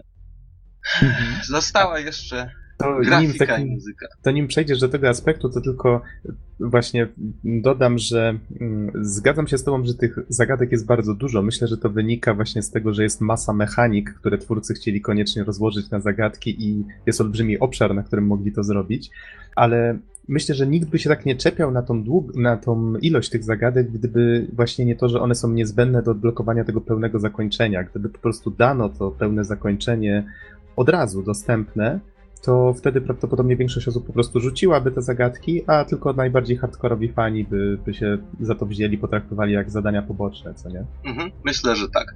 I jeszcze tutaj jedna rzecz jest, y, którą myślę, że warto dodać, dlatego że w sumie z twojej recenzji wywnioskowałem, wiem, chyba błędnie, albo po prostu już zapomniałem szczegółów, że powinienem skończyć wszystko, żeby mieć jakby to dobre zakończenie. No i to jest w pewnym sensie prawda, tylko że ja się trochę bałem, że jeśli przystąpię do zakończenia gry bez rozwiązanych wszystkich spraw, to po prostu jakby to będzie, że zakończenie potoczy się inaczej.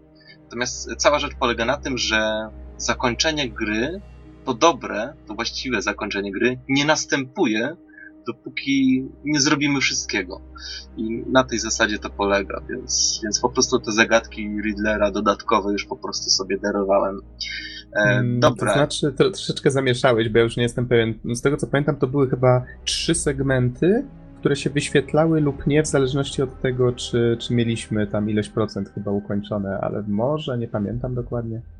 Czy wiesz co, ja niczego takiego nie zauważyłem, a ukończyłem właściwie wszystko oprócz tych ostatnich zagadek Riddlera i tak to wyglądało z mojej strony. Aha, no, okay. Dobra, natomiast e, jeśli chodzi o grafikę i muzykę, no to oczywiście kolory nocne, ciemno-niebieski tutaj króluje. E, tak jak zostało to powiedziane, pada gęsty deszcz, jest generalnie atmosfera dosyć ponura. Teraz styl architektoniczny gry jest dosyć bogaty. I tu zwłaszcza jeśli chodzi o właściwie zarówno jeśli chodzi o wnętrza, jak i budynki. I tutaj kurde, to mi przypomina taki trochę stary, zakurzony noir z tanimi neonami czasem, który jest połączony z nowoczesnością. E, natomiast wnętrza często są pełne rupieci, jakichś zakurzonych gratów, jakieś takie powyginane, pozmieszane wszystko razem, e, na przykład jakieś stare laboratoria, jakieś stare magazyny zabawek, e, jakieś inne rekwizyty. Tu naprawdę ten styl jest bardzo bogaty.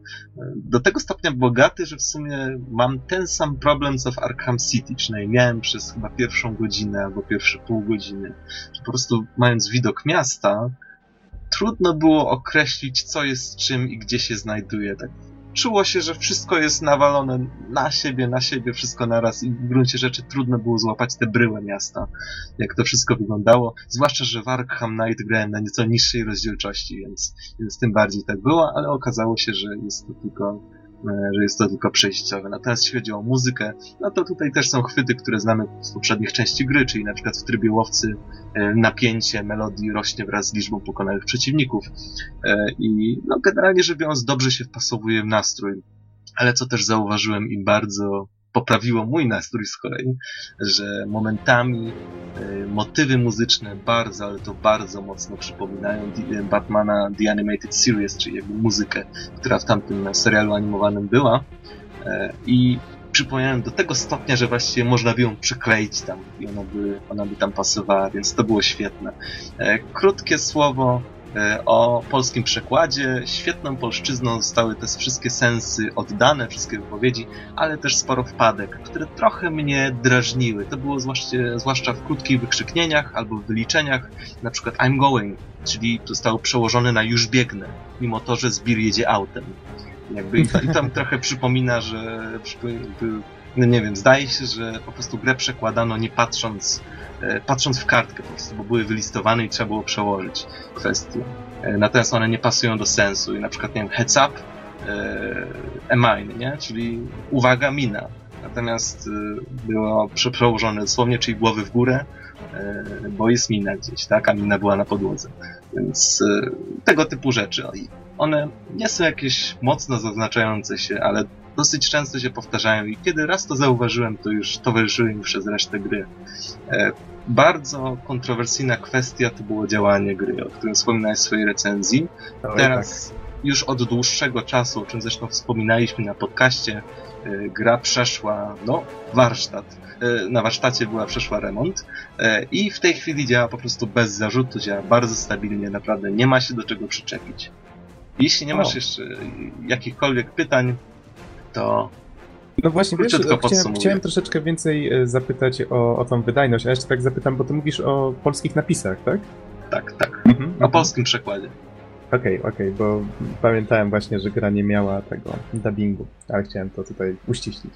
E, jeżeli chodzi o tą, o tą wydajność, bo ja nie sprawdzałem gry po spaczowaniu, Przynajmniej tak dokładnie. Pamiętam, że sprawdzałem ją tuż przed wydaniem tego ostatniego patcha i działała dużo gorzej niż wtedy, jak grałem na premierę. Akurat miałem tego farta, że na premierę gra działała całkiem nieźle u mnie. Więc powiedz mi, mm, kiedy grałeś dokładnie? To było już po wydaniu tam tych takich ostatnich patchy, nie pamiętam. To tak, to było po, po skończeniu remontu gry. E, mhm. I to było chyba jakiś miesiąc temu to już było już o, jeszcze jakiś czas po, po tym remoncie, więc tu nawet nie ma o czym mówić. Natomiast e, no, mój komputer ma słabszą kartę graficzną po prostu, bo tak kupiłem niestety, e, ale ja nie miałem innego wyjścia w tamtej chwili, więc, więc taki mam i dlatego grałem na niższej rozdzielczości i na niższych ustawieniach graficznych. Natomiast mimo to e, gra działała bardzo płynnie i właściwie czuć nawet było, że jeśli komputer trochę nie domaga w danym momencie, co zdarzało się rzadko, ale to było związane na przykład z dużą ilością jakichś, jakichś wyjątkowo e, przeciwników, czy, czy ozdób, czy innych tego typu rzeczy o wysokiej jakości, no to nawet wtedy gra działała stabilnie, właściwie ani razu mi się nie zawiesiła, no, dosłownie tak jakbym grał w Arkham City czy Arkham Asylum, czyli ja ze swojej strony nie mam nic do zarzucenia, a e, no, mój komputer nie był odpowiedni na, na jakby na zalecane wymagania, więc tym bardziej zdaje się, że, że jakby ten test odbył się pomyślnie, bo jednak gra mimo wszystko wytrzymała e, i gra działała bardzo dobrze. To ja w takim razie już nie mam więcej pytań, te bardziej spoilerowe zadałem już przed podcastem, więc sobie trochę podyskutowaliśmy. No więc podsumowując, gra pozwala na zostanie Batmanem. Po prostu. Buduje bardzo solidne podstawy w postaci mrocznego, wyjątkowo mrocznego i dojrzałego nastroju, także na zarysowaniu dramatu. I trochę szkoda, nawet bardzo szkoda, że, że w pewnym momencie są całkowicie złamane i gra po prostu przychodzi w komiksową sztampę, mimo że świadomie jej zaprzeczyła. Ale, ale w gruncie rzeczy, jeśli jeśli nie bardzo zwracacie uwagę na przykład na, na, na kwestię narracji, na kwestię fabuły, e, na kwestię tego, czy gra jest przeznaczona na przykład dla dorosłych osób, czy też nie, no to w gruncie rzeczy i tak jest bardzo warta polecenia, dlatego że zawiera mnóstwo świetnie wykonanej treści o bardzo wysokiej jakości e, i zwyczajnie warto ją przejść i ukończyć możliwie na 100%. Jeśli nie dacie rady, to myślę, że dodatkowe zagadki Riddlera można sobie darować, ale wszelakie inne misje poboczne zawierające dialogi, inne postaci itd., tak itd. Tak są po prostu warte zobaczenia dla wszystkich tych, którzy chociaż w jakimś stopniu lubią to uniwersum. Tak, w razie, w razie czego ten ostatni fragmencik zakończenia, który się odblokowuje z Riddlerem, można sobie obejrzeć na YouTube, jeżeli się nie, nie chce czasu marnować. Więc no cóż, warto zagrać, gra jest świetna, chociaż niestety nie idealna, ale o ideał jest trudno. Mhm. Okej, okay, Don, w takim razie dzięki Ci wielkie za recenzję i trzymaj się. Hej, hej.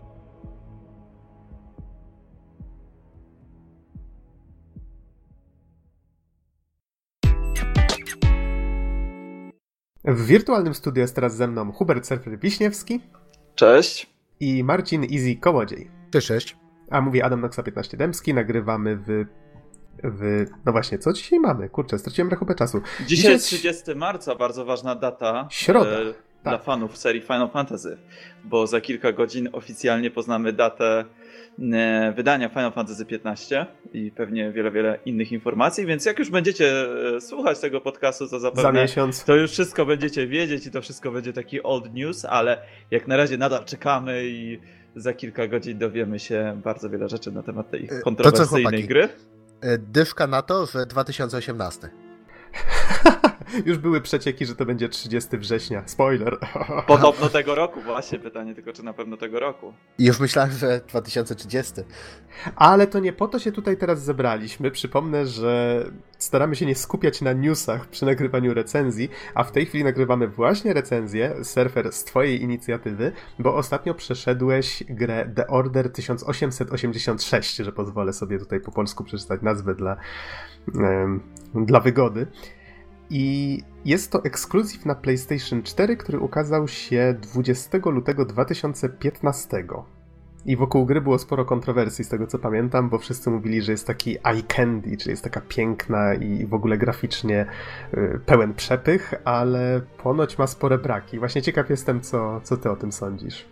E, nie wiem, czy pamiętasz, jak zaczynałem z wami nagrywać tutaj na dwóch padach. E, jednym właśnie z pierwszych naszych nagrań wspólnych były moje pierwsze wrażenia z Gamescomu, gdzie miałem okazję zagrać e, w demo The Order 1886. No i przyznam szczerze, że wtedy byłem zawiedziony mocno grą. Nie podobała mi się akurat pamiętam, pamiętam. za mocno ani graficznie, bo pokazali akurat według mnie jeden z takich słabszych momentów. Pamiętam, że bardzo mocno zapadły mi w pamięć te różne filtry nałożone, które troszeczkę przeszkadzały w takim jakimś fajnym odbiorze gry. Do tego miałem wrażenie, że to wszystko działa tak jakoś mm, średnio fajnie. No generalnie gra mnie nie porwała, wiesz, do tego y, później już po premierze te recenzje, które były dosyć średnie, spowodowały, że zakładałem, że The Order to będzie taki no niskiej jakości średniak a jak wyszło, no to przejdziemy do tego może trochę później, bo nie chcę tutaj e, za bardzo zdradzać e, swojej opinii. Chciałbym, żebyśmy troszeczkę przeszli po kolei, więc najpierw może opowiemy e, skąd się w ogóle wzięła ta gra, czyli jakie studio, jest stworzy... jako, jakie studio stworzyło tę grę, mniej więcej jaki jest tutaj zarys fabularny i taki background. Później właśnie może przejdziemy troszeczkę do gameplayu i tym podobnych spraw, a na koniec sobie wymienimy plusy i minusy, no i wydamy jakąś ocenę na koniec. To jeszcze nim zaczniesz, y, chciałbym naszych słuchaczy poinformować, że po raz pierwszy nagrywamy w trochę z trochę innym warsztatem. Mianowicie Easy i ja mamy nowe mikrofony i nagrywamy na innym serwerze, tym razem nie na Mumblu, tylko na TeamSpeaku. Więc robimy pewne testy, zobaczymy jak to wpłynie na jakość i przede wszystkim na wygodę w montażu, ponieważ zauważyliśmy, że e, nasze nagrania z winy serwera, nie z winy sprzętu nagrywającego, tylko z winy serwera zostawiają pewne, pewne babole, które musimy potem ręcznie usuwać. Z winy Więc... serwera. Jezu, jaka gra słów. A nie, e, serwera, oczywiście. A tak serio, e, jeszcze drodzy słuchacze, jeżeli tylko yy, przesłuchacie właśnie ten podcast i stwierdzicie, jest lepiej, jest gorzej, nie mam zdania, cokolwiek, dajcie nam znać w komentarzach, bo szukamy idealnego rozwiązania, żeby nagrywało się i dobrze z naszej strony i żebyście wy mogli nas słyszeć w jak najlepszej jakości. Zgadza się, więc czekamy na wasz feedback. Okay, surfer, już nie przerywam. Dobra, to na początku może kilka słów wstępu. Tutaj sobie zapisałem kilka zdań, czyli właśnie The Order 1886 to gra akcji osadzona w alternatywnych realiach wiktoriańskiego Londynu z domieszką odrobiny steampunku. E, jest to produkcja amerykańskiego studia Ready at Down, które po raz pierwszy stworzyło grę na konsolę PlayStation 4. Do tej pory zajmowali się takimi spin-offami gier należących, serii należących do e, Sony, między innymi God of War i Daxter na konsolę PlayStation Portable. E, no i przyznam szczerze, że tutaj ten, ten klimat i cała otoczka, którą stworzyli, jest jedną z najmocniejszych rzeczy tej gry.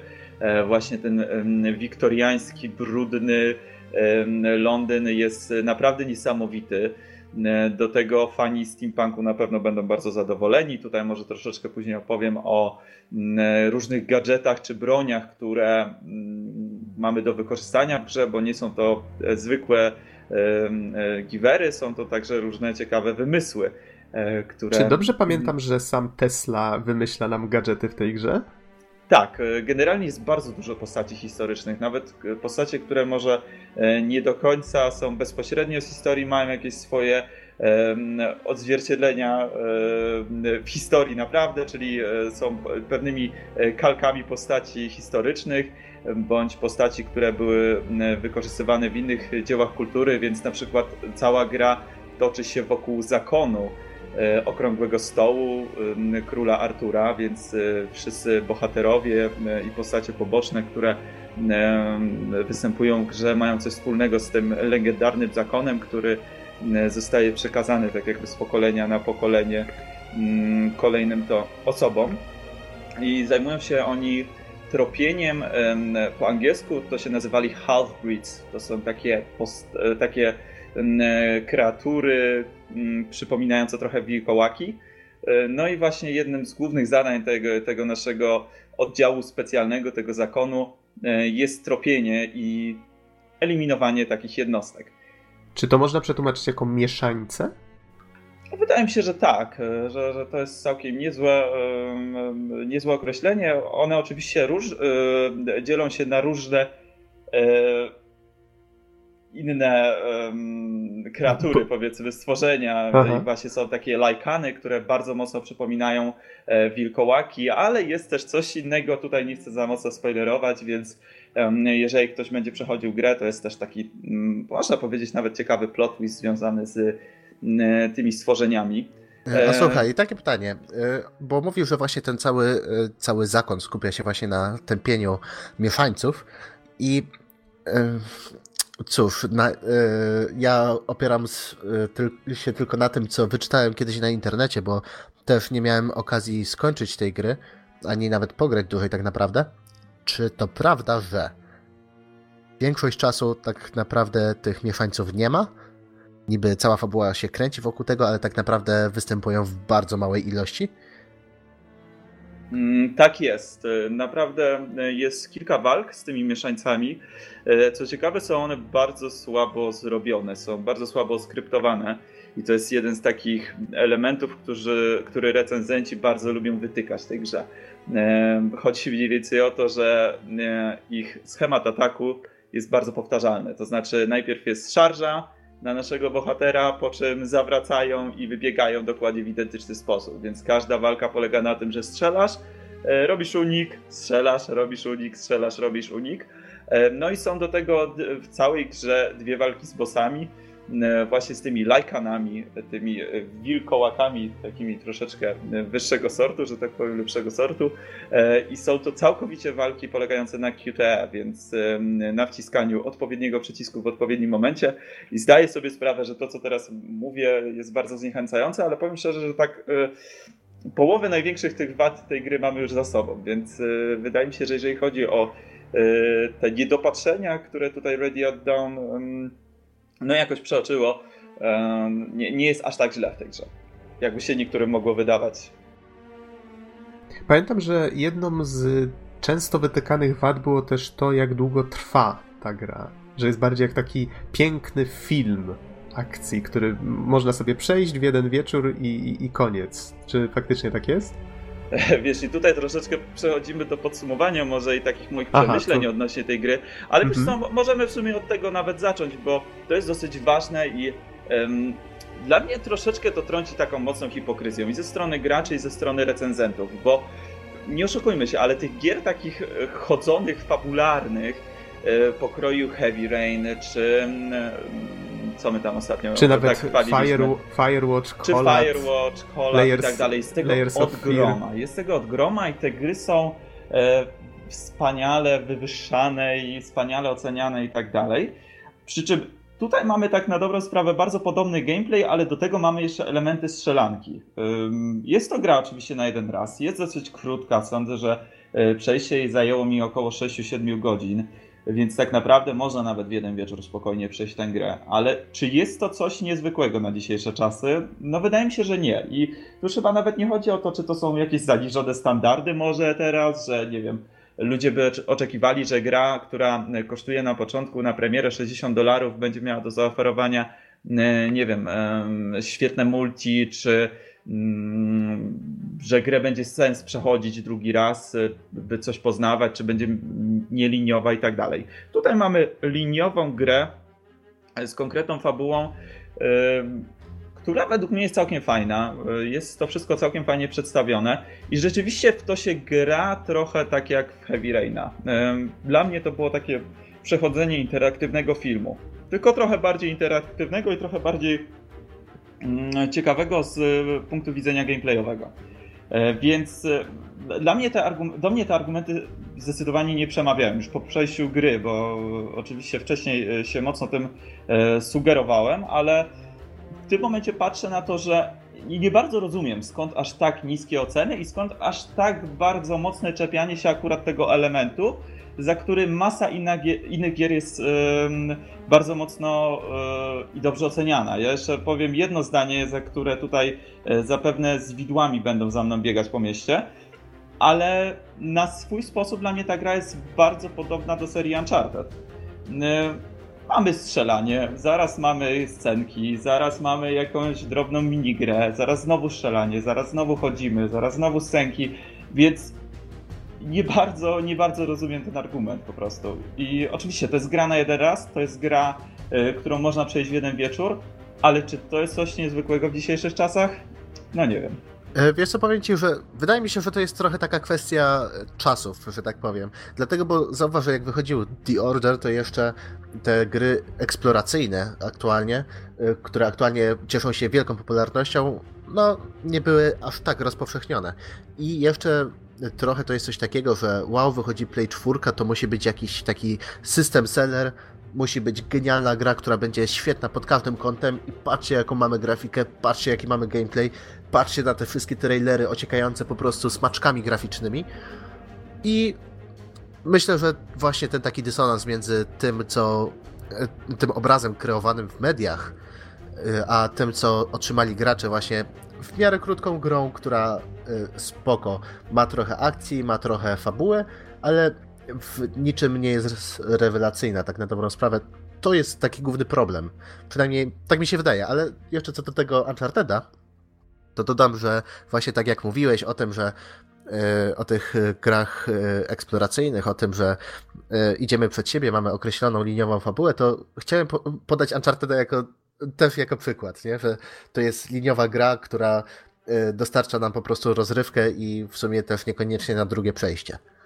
To ja jeszcze dodam tak na szybko, żebyśmy mogli wrócić do recenzji właściwej, tak? Że wydaje mi się, że cena mimo wszystko ma znaczenie, bo te gry, o których mówimy, te krótkie, ale bardzo fajne, które już nawet mieliśmy okazję zrecenzować, czyli chociażby Firewatch, Collat czy Layers of Fear, to są wszystko gry powiedzmy na 3-4 godziny, co nie? Może nawet mniej, jak ktoś się pośpieszy. To są gry, które powiedzmy w Polsce kosztują od 50 do 90 zł. Z kolei tutaj mamy do czynienia z grą, która na premierę kosztowała, tak zgaduję, 250 albo może i więcej w niektórych sklepach. Więc tu bym się doszukiwał też jednak sporego czynnika. Nie, no jak najbardziej oczywiście masz rację, Nox, ale mhm. Mówię, czy znaczy akurat ciężko może porównywać grę z 2015 roku do gry z 2007, czyli do Uncharted 1, ale e, przypomnijmy, że Uncharted pierwszy też tak na dobrą sprawę był bardzo liniową grą, e, strzelanką, która nie miała trybu online i tak dalej. E, weźmy też pod uwagę, że no, The Order może nie był tytułem startowym na PlayStation 4, ale jednak był taką grą chyba też troszeczkę robioną na szybko. No i oczywiście to nie jest żaden e, argument, żeby bronić tej gry, e, ale wydaje mi się, że troszeczkę tutaj mm, ta gra została zlinczowana i potraktowana według mnie za ostro za pewne e, swoje wady. Oczywiście tych wad trochę ma, żeby nie było, ale nie wiem, dla mnie troszeczkę tutaj trąci podwójnymi standardami. Może troszeczkę inaczej z perspektywy czasu patrzę, bo gra teraz kosztuje e, no, około 80 zł, więc uważam, że to jest cena, którą spokojnie można dać za tę grę. E, może rzeczywiście na premierę ludzie mogli czuć się zawiedzeni, no bo jednak wydajesz e, jakieś tam swoje oszczędności, no i przynajmniej oczekujesz tego, że gra będzie miała coś więcej do zaoferowania poza tym jednokrotnym przejściem. I oczywiście to jest, to jest wielka szkoda, E, że ta gra niewiele ma poza tym jednokrotnym przejściem do zaoferowania, no chyba, że ktoś chce mm, zdobyć wszystkie trofea, czy, czy zdobyć wszystkie znajdźki, mm, no ale, no ale tak wygląda sytuacja, więc tutaj już każdy chyba musi to ocenić e, trochę po swojemu. Być może ta recenzja by troszeczkę inaczej wyglądała, gdybyśmy ją nagrywali rok temu i rzeczywiście gra byłaby warta 260 zł, ale e, tak jak w tej sytuacji to wygląda, uważam, że jest ona jak najbardziej warta swoich pieniędzy. Okej, okay, ale przejdźmy może w takim razie do samej gry. Powiedz, jak się w to właściwie gra? Czy faktycznie to strzelanie sprawia fan? Dobra, wiesz co, to może e, najpierw jeszcze takim drobnym słowem wstępu, bo w ogóle o co chodzi? E, kim my jesteśmy i jaki jest ten zarys fabularny? Więc tak, głównym bohaterem jest Grayson, znany także jako Sir Galahad. Jest, tak jak już wspomniałem, jednym z rycerzem Okrągłego Stołu. Dzięki specjalnemu eliksirowi regeneracyjnemu członkowie tego zakonu są praktycznie nieśmiertelni, więc mogą żyć przez setki lat i nie zmieniając się praktycznie z wyglądu. Nasz bohater wyglądający na około 50 ma tak naprawdę na, kilku, na, na, na karku kilkuset lat. No i mamy swoich kompanów, którzy nam pomagają bardzo często w misjach. Generalnie rzadko kiedy biegamy samemu, mamy e, tych kompanów AI, którzy nas wspierają. Jest to przede wszystkim trójka bohaterów. Lady E. Green, która jest młodą padawanką. E, Graysona, jak się czasem okazuje, trójka bohaterów ma, się ku sobie, więc e, generalnie kręcą ze sobą, nie są oficjalnie, ale widać, że tutaj jest coś na rzeczy. Dołącza do nas także generał Lafayette, Francuz, amant i wierny kompan Graysona, więc z nim są chyba najbardziej takie e, zabawne i żartobliwe stęki, bo przy każdej możliwej okazji e, podrywa kobiety i bajeruje wszystkich naokoło i jest taki mega charyzmatyczny i fajny i rozładowuje to całe takie poważne, e, poważną taką atmosferę, która, mhm. tak, takie napięcie, które panuje, bo no, Pamiętajmy, że gra jest osadzona w tym 1886 e, roku, więc e, wszyscy mówią tak bardzo oficjalnie, sir, madame i tak dalej, i tak dalej, więc e, on jest taki bardzo e, graszkowaty, taki rozrabiaka. Zresztą wygląda jakby miał między tam 20 parę, 30 parę lat, więc jest takim młodym amantem. Choć pewnie ma z 500. Choć chyba ma około 200 ilość. Tam, oczywiście na podstawie różnych wojen i walk, w których brali udział, można wywnioskować mniej więcej, ile różni bohaterowie mają lat, więc zakłada się, że Grayson, czyli nasz główny bohater, Sir Galahad, ma około 600. No i jest także cały mentor całej trójki, Sebastian Mallory. E, jest on najstarszy, bardzo honorowy i wierny. Jest też taka cała legenda, że walczył on u boku króla Artura. E, no i przyznam szczerze, że bohaterowie są bardzo ciekawi, różnorodni. Fajnie się ogląda te ich relacje i fajnie oni się dopełniają. Wiesz, e, Lady i Grian widać, że jest troszeczkę podrywana przez naszego Amanta, ale przy okazji sobie tak lubią dogryzać i rywalizować między sobą. Widać też tę rozwijającą się powoli relację naszego głównego bohatera ze swoim tam obiektem westchnień. Widać e, tę relację naszej, e, naszej dwójki bohaterów męskich z Sebastianem Malorym, który wspomniałem wcześniej, że jest takim mentorem e, ich i tego, jak oni go traktują, z jakim szacunkiem i tak dalej, więc to jest naprawdę fajne. To, do tego oczywiście jest kilka postaci pobocznych, są różne zwroty akcji i tak dalej, i tak dalej. Ale powiem szczerze, że to jest naprawdę mocny element. Y, I przy czym też znowu, czytając recenzje i czytając te y, komentarze, że nie wiem, historia była zupełnie nieciekawa, że postacie nijakie i tak dalej, no nie bardzo wiem skąd takie opinie się biorą. Wiadomo, że y, każdy może grę odbierać na różny sposób, ale ja w każdym momencie byłem ciekaw tak naprawdę, co się z, z tego wszystkiego rozwinie, jak te relacje się potoczą, jak fabuła się potoczy. I może tutaj tak płynnie przejdę do fabuły, mm, że ona też jest całkiem niezła, że jest kilka takich zwrotów akcji, których się nie spodziewałem. Do tego, mm, do tego cały ten rys fabularny nie jest wcale taki zły. Jedyne o co mógłbym rzeczywiście się przyczepić to zakończenie, które kończy się jak pierwszy, e, pierwszy sezon jakiegoś serialu. Czyli mamy niby domknięty pewien wątek przewodni, ale mamy masę otwartych innych wątków i tutaj widać, że Ready at Dawn zakładało, że będzie kolejna część. Y, czy tak się stanie, tego jeszcze nie wiemy, ale zdecydowanie ta historia nie jest zamknięta, więc jeżeli ktoś oczekiwał tego, że y, dostanie pełną, spójną historię, która pozamyka wszystkie wątki i wszystko będzie jasne, nie. Tutaj mamy wspaniałe podwaliny pod kolejną część, no i można tylko mieć nadzieję, że, że rzeczywiście to ta kolejna część The Order powstanie. Mhm. A powiedz mi, co możesz powiedzieć właśnie o tym, o tym gameplayu? Tak wracając do mojego poprzedniego pytania. Jeżeli już przedstawiłeś fabułę, to powiedz, jak się właściwie strzela? Czy to sprawia przyjemność? Więc gameplay to jest e, strzelanina z systemem osłon, podobna trochę do może Gears of War. E, strzelanie jest całkiem niezłe. Nie jest to jakieś może wybitne, ale jest o tyle ciekawe, że mamy e, do dyspozycji ciekawy ekwipunek. Tak jak już e, wspomnieliście wcześniej, w grze występuje Nikola Tesla, który jest takim naszym naukowcem zakonu, który. Taki ku. Tak? No, to, to taki ku jak z Jamesa Bonda. Dokładnie, więc on tworzy dla nas takie gadżety różnego rodzaju. No i między innymi mamy E, broń plującą gazem, który możemy następnie podpalić termitem, e, karabin wystrzelujący po, pojedynczym wyładowaniem elektrycznym, steampunkowe wyrzutnie rakiet i tak dalej, i tak dalej. Oczywiście wizualnie te bronie są naprawdę super, no ale do tego strzela się z nich całkiem ciekawie, więc jest dosyć duża różnorodność broni, są one dosyć e, fajne. No i nie jest to może nic wybitnego, ale też y, nie sądzę, żeby w kwestii gameplayowej było się o, o co tak naprawdę mocno przyczepić. No może poza wspomnianymi e, walkami e, z przemieńcami, które są e, no, albo mocno skryptowane, albo polegają na quick time eventach, no to nie wyszło akurat tak dobrze niestety. No ale poza tym, poza tym walki takie z różnymi wrogami ludzkimi są naprawdę niezłe. A do tego wszystkiego mamy do dyspozycji jeszcze różne narzędzia, tak jak hydrauliczne wytrychy, sprzęt do przeciążania urządzeń elektrycznych i inne. To wszystko jest zaprezentowane w formie różnych minigierek i jest całkiem, całkiem miłą taką odskocznią od tego, co robimy najczęściej, czyli odchodzenia i strzelania. Okej, okay, czyli po prostu chodzona strzelka z systemem osłon, myślę, że to oddaje dość, dość dobrze.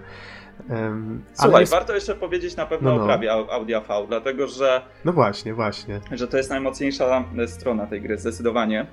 E, akurat tak się złożyło, że nie dość, że miałem okazję grę przechodzić na e, całkiem dużym, niezłym telewizorze, to dodatkowo mm, testowałem też oficjalny headset 2.0 e, do konsoli PlayStation 4, więc tam mogłem sobie ściągnąć specjalny profil przez aplikację na PlayStation 4 właśnie pod The Order. Mm, no i muszę przyznać, że to jest kolejny poziom, jeżeli chodzi o prawe AV. E, muzyka jest naprawdę super, dźwięki są oddane rewelacyjnie, więc wszelkie szumy, padający deszcz, wystrzały, dialogi, to jak są nagrane i tak dalej, to jest po prostu rewelacja, no ale oczywiście to, w czym ta gra najbardziej błyszczy, to jest oprawa graficzna. No i przyznam szczerze, że tutaj zdecydowanie przez większość gry zbierałem szczękę z podłogi. Wielu ludzi uważa, że na przykład e, Star Wars Battlefront na tę chwilę jest taką najładniejszą grą, e, czy nowy Tomb Raider. No może osoby, które lepiej się na tym znają, e, na technikaliach stwierdzą, że rzeczywiście może tam działają jakieś niesamowite technologie i dzięki temu jest to trochę bardziej wyrafinowane. Siły ale... nadprzyrodzone.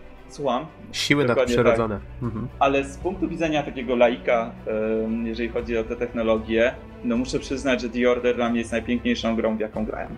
E, to, co udało im się wycisnąć już tak naprawdę na starcie życia konsoli, jest dla mnie niesamowite. No i uważam, że mm, nie, nie lubię polecać gry tylko ze względu na wygląd i tak dalej, ale mm, zdecydowanie połączenie tego niesamowitego e, klimatu, stylistyki i przecudownej grafiki rzeczywiście tworzy mm, taki E, tak się to odbiera, jakby rzeczywiście oglądało się bądź grało w taki interaktywny film.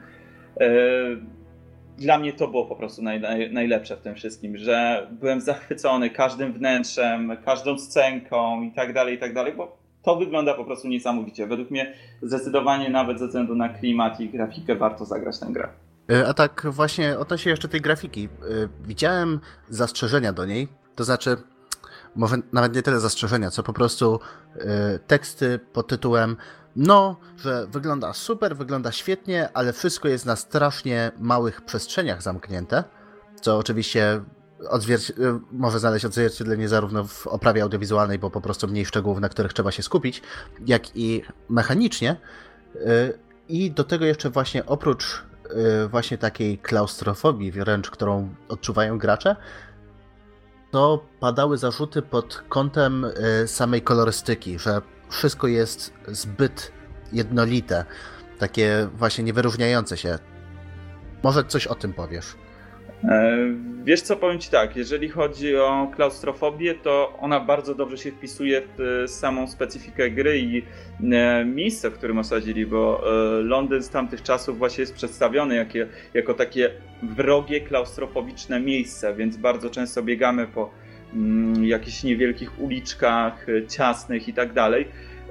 Według mnie no na pewno to był zabieg też e, pozwalający im na e, stworzenie właśnie takiej oprawy audiowizualnej, ale według mnie to się wspaniale wpisuje właśnie w samą grę, bo ci nasi bohaterowie bardzo często są w takich nieciekawych sytuacjach, właśnie między innymi przez to, jak bardzo mało, ma, mało mają przestrzeni do e, wykonywania swoich akcji. Więc według mnie to całkiem niezłe jest. E, do tego e, są miejsca, w których jest rzeczywiście ta przestrzeń większa. Fakt, że przeważnie są to zamknięte pomieszczenia, więc jakieś ogromne budynki i tak dalej. E, no i chyba w grze nie było rzeczywiście takiej miejscówki, która by była bardzo otwarta, więc tutaj jak najbardziej to jest, to jest prawda to, co mówisz, tylko pytanie, czy to jest tak naprawdę wada. Według mnie nie do końca. A jeżeli chodzi o oprawę audio, jeżeli chodzi o oprawę graficzną z punktu widzenia tego, że to stylistycznie jest wszystko dosyć podobne, i tak i nie. Z jednej strony mamy filtr, tak jak na przykład ziarno e, filmowe, czy e, taką kolorystykę, która mm, mniej więcej jest podobna w każdym momencie gry, ale to nie zawsze tak wygląda, wiesz, e, gramy w nocy, gramy w dzień, gramy w, mm, o wschodzie słońca i tak dalej więc każda ta sceneria ma zupełnie inny klimat. Więc ja nie miałem takiego odbioru, że e, za każdym razem jest tak samo. Nie wiem, tak jak na przykład e, miałem wrażenie takie w Gears of War, Gears of War grając. Mm. Więc może tutaj taki, nie wiem czy to jest spoiler, ale mamy akcję, nie, zdecydowanie to nie jest spoiler, bo to było na trailerach, więc mamy akcję na Cepelinie, który jest stworzony yy, w, w, środku jak taki pociąg właśnie z XIX wieku i jest bardzo kolorowo, jest słonecznie, to wnętrze jest takie bardzo arystokrackie, wyszukane i tak dalej, więc jest zupełnie, zupełnym przeciwieństwem właśnie do tych brudnych, śmierdzących i szarych e, ulic Londynu, jakichś slumsów i tak dalej. Odwiedzamy burdele i e, inne, e, inne miejscówki, które zdecydowanie odbiegają klimatem, więc też nie do końca bym się z tym zgodził. Okej, okay. zastanawiam się, o co jeszcze moglibyśmy zapytać, ale opisałeś już właściwie mechanikę, opisałeś oprawę audiowizualną. A, nie wiem, czy o muzyce coś wspominałeś. E, tak, wspominałem, że generalnie oprawa cała audiowizualna jest na bardzo wysokim poziomie, więc e, przygrywa e, bardzo często klimatyczna e, muzyka, która wspaniale wpisuje się w to, co widać na ekranie, więc e, tutaj naprawdę też nie mam o co się czepić. Z tego co wiem, to nawet chyba e, w którymś momencie E, jakiś utwór Chopina przygrywa, więc e, jest to też całkiem fajne. E, wiesz co, może jeszcze na koniec, bo tutaj trochę posłodziłem przez ostatnie kilka minut, jedną rzecz, którą też bardzo lubią wytykać recenzenci, obniżając ocenę o dwa punkty dodatkowe czy coś takiego, że są misje skradankowe, które są stworzone wręcz w idiotyczny sposób. Mm, wystarczy, że w złym momencie naciśniesz przycisk przy próbie zabójstwa, na przykład E, jakiegoś ochroniarza, bądź zostajesz wykryty, e, całą sekcję musisz zacząć od początku. Więc e, na szczęście są w całej grze tylko dwie takie sekcje, dwa takie momenty, ale potrafią być dosyć irytujące, jeżeli ktoś nie jest wprawiony właśnie w tego typu graniu, więc to jest jedna z tych większych wad. No i co, możesz takim słowem podsumowania, chociaż troszeczkę podsumowanie też zrobiliśmy na początku, nie wiem czy Izzy chcesz coś dodać jeszcze, bo widzę, że się chyba tam włączyłeś. To znaczy wiesz co, e, ja zadam takie jedno najważniejsze pytanie, przynajmniej z mojej perspektywy. Czy warto? Bo tak szczerze mówiąc, e, samemu się zastanawiałem nad tym, żeby kupić tym bardziej patrząc na jakieś aukcje na Allegro, czy nawet w sklepach, że można dorwać już między 60-80 zł kopię dla siebie, to czy warto za tą cenę teraz już jak opadła ta cała wrzawa i zamieszanie w związku z tym, że to wcale nie jest takie dobre, jak miało być? Słuchaj, jeżeli spodziewasz się shootera, który, nie wiem, wywróci całe spojrzenie twoje na ten gatunek, czy spodziewasz się mega długiej i jakiejś super intrygującej historii, to nie. Ale jeżeli nie przeszkadzają ci gry właśnie tego typu chodzone, i dla ciebie ważny jest klimat, fabuła, postacie i tak dalej, to jak najbardziej uważam, że warto. Ja po prostu byłem kompletnie e, pochłonięty tym klimatem, tym jak ten świat został stworzony i ta imersja była naprawdę niesamowita, więc y, dla mnie, dla mnie zdecydowanie warto. Czy mm, poleciłbym komuś innemu? Uważam, że w cenie 60-80 zł jak najbardziej tak, ale też z drugiej strony e, rozumiem skąd bierze się wiele hejtu i niechęci do tej gry, bo te wady, które no, widać na pierwszy rzut oka, są jak najbardziej y, prawdziwe. To nie są jakieś y, rzeczy wysane z palca. Tylko pytanie, czy to jest coś dla ciebie ważne, że na przykład w ciągu 7-godzinnej gry masz dwie sekcje, które trwają łącznie 15 minut, y, które są zrobione beznadziejnie, czyli te sekcje skradankowe to jest coś, co popsuje ci całą grę, czy to, że nie wiem, nie masz znajdziek jakichś ciekawych, bo masz oczywiście jakieś e, gazety czy zdjęcia, które sobie możesz tam oglądać i one oczywiście wyglądają rewelacyjnie, bo no, silnik graficzny, na którym zostało to wszystko e, stworzone jest niesamowity, ale pytanie, czego tak naprawdę oczekujesz? Jeżeli fajnej historii, świetnego klimatu, ciekawych postaci i całkiem niezłego gameplayu, to jak najbardziej polecam. Zdecydowanie w tej cenie warto. I myślę, że w ten sposób dobrnęliśmy do końca recenzji. Chyba, że jeszcze są jakieś pytania, ale ode mnie już, już raczej nie ma. Ja powiem tylko tyle, że kupiłeś mnie i będę musiał spróbować. To jestem bardzo ciekaw, zapewne w takim razie za kilka tygodni będziemy mieli Twoje jakieś pierwsze wrażenia, przynajmniej kilka słów. Więc jestem ciekaw, czy e, to, co mówiłem, pokryje się z Twoją opinią, e, którą wyrazisz na temat tej gry.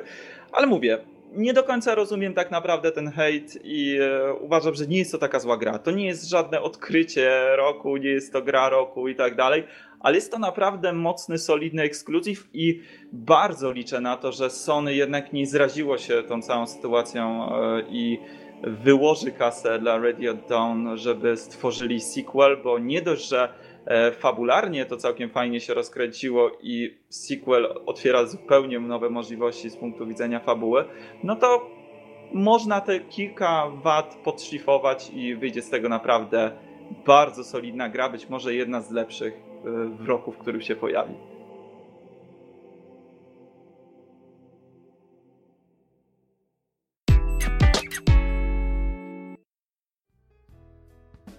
To już wszystko na dzisiaj. Dziękujemy Wam bardzo za uwagę i do usłyszenia w następnym odcinku. Trzymajcie się. Do usłyszenia, cześć.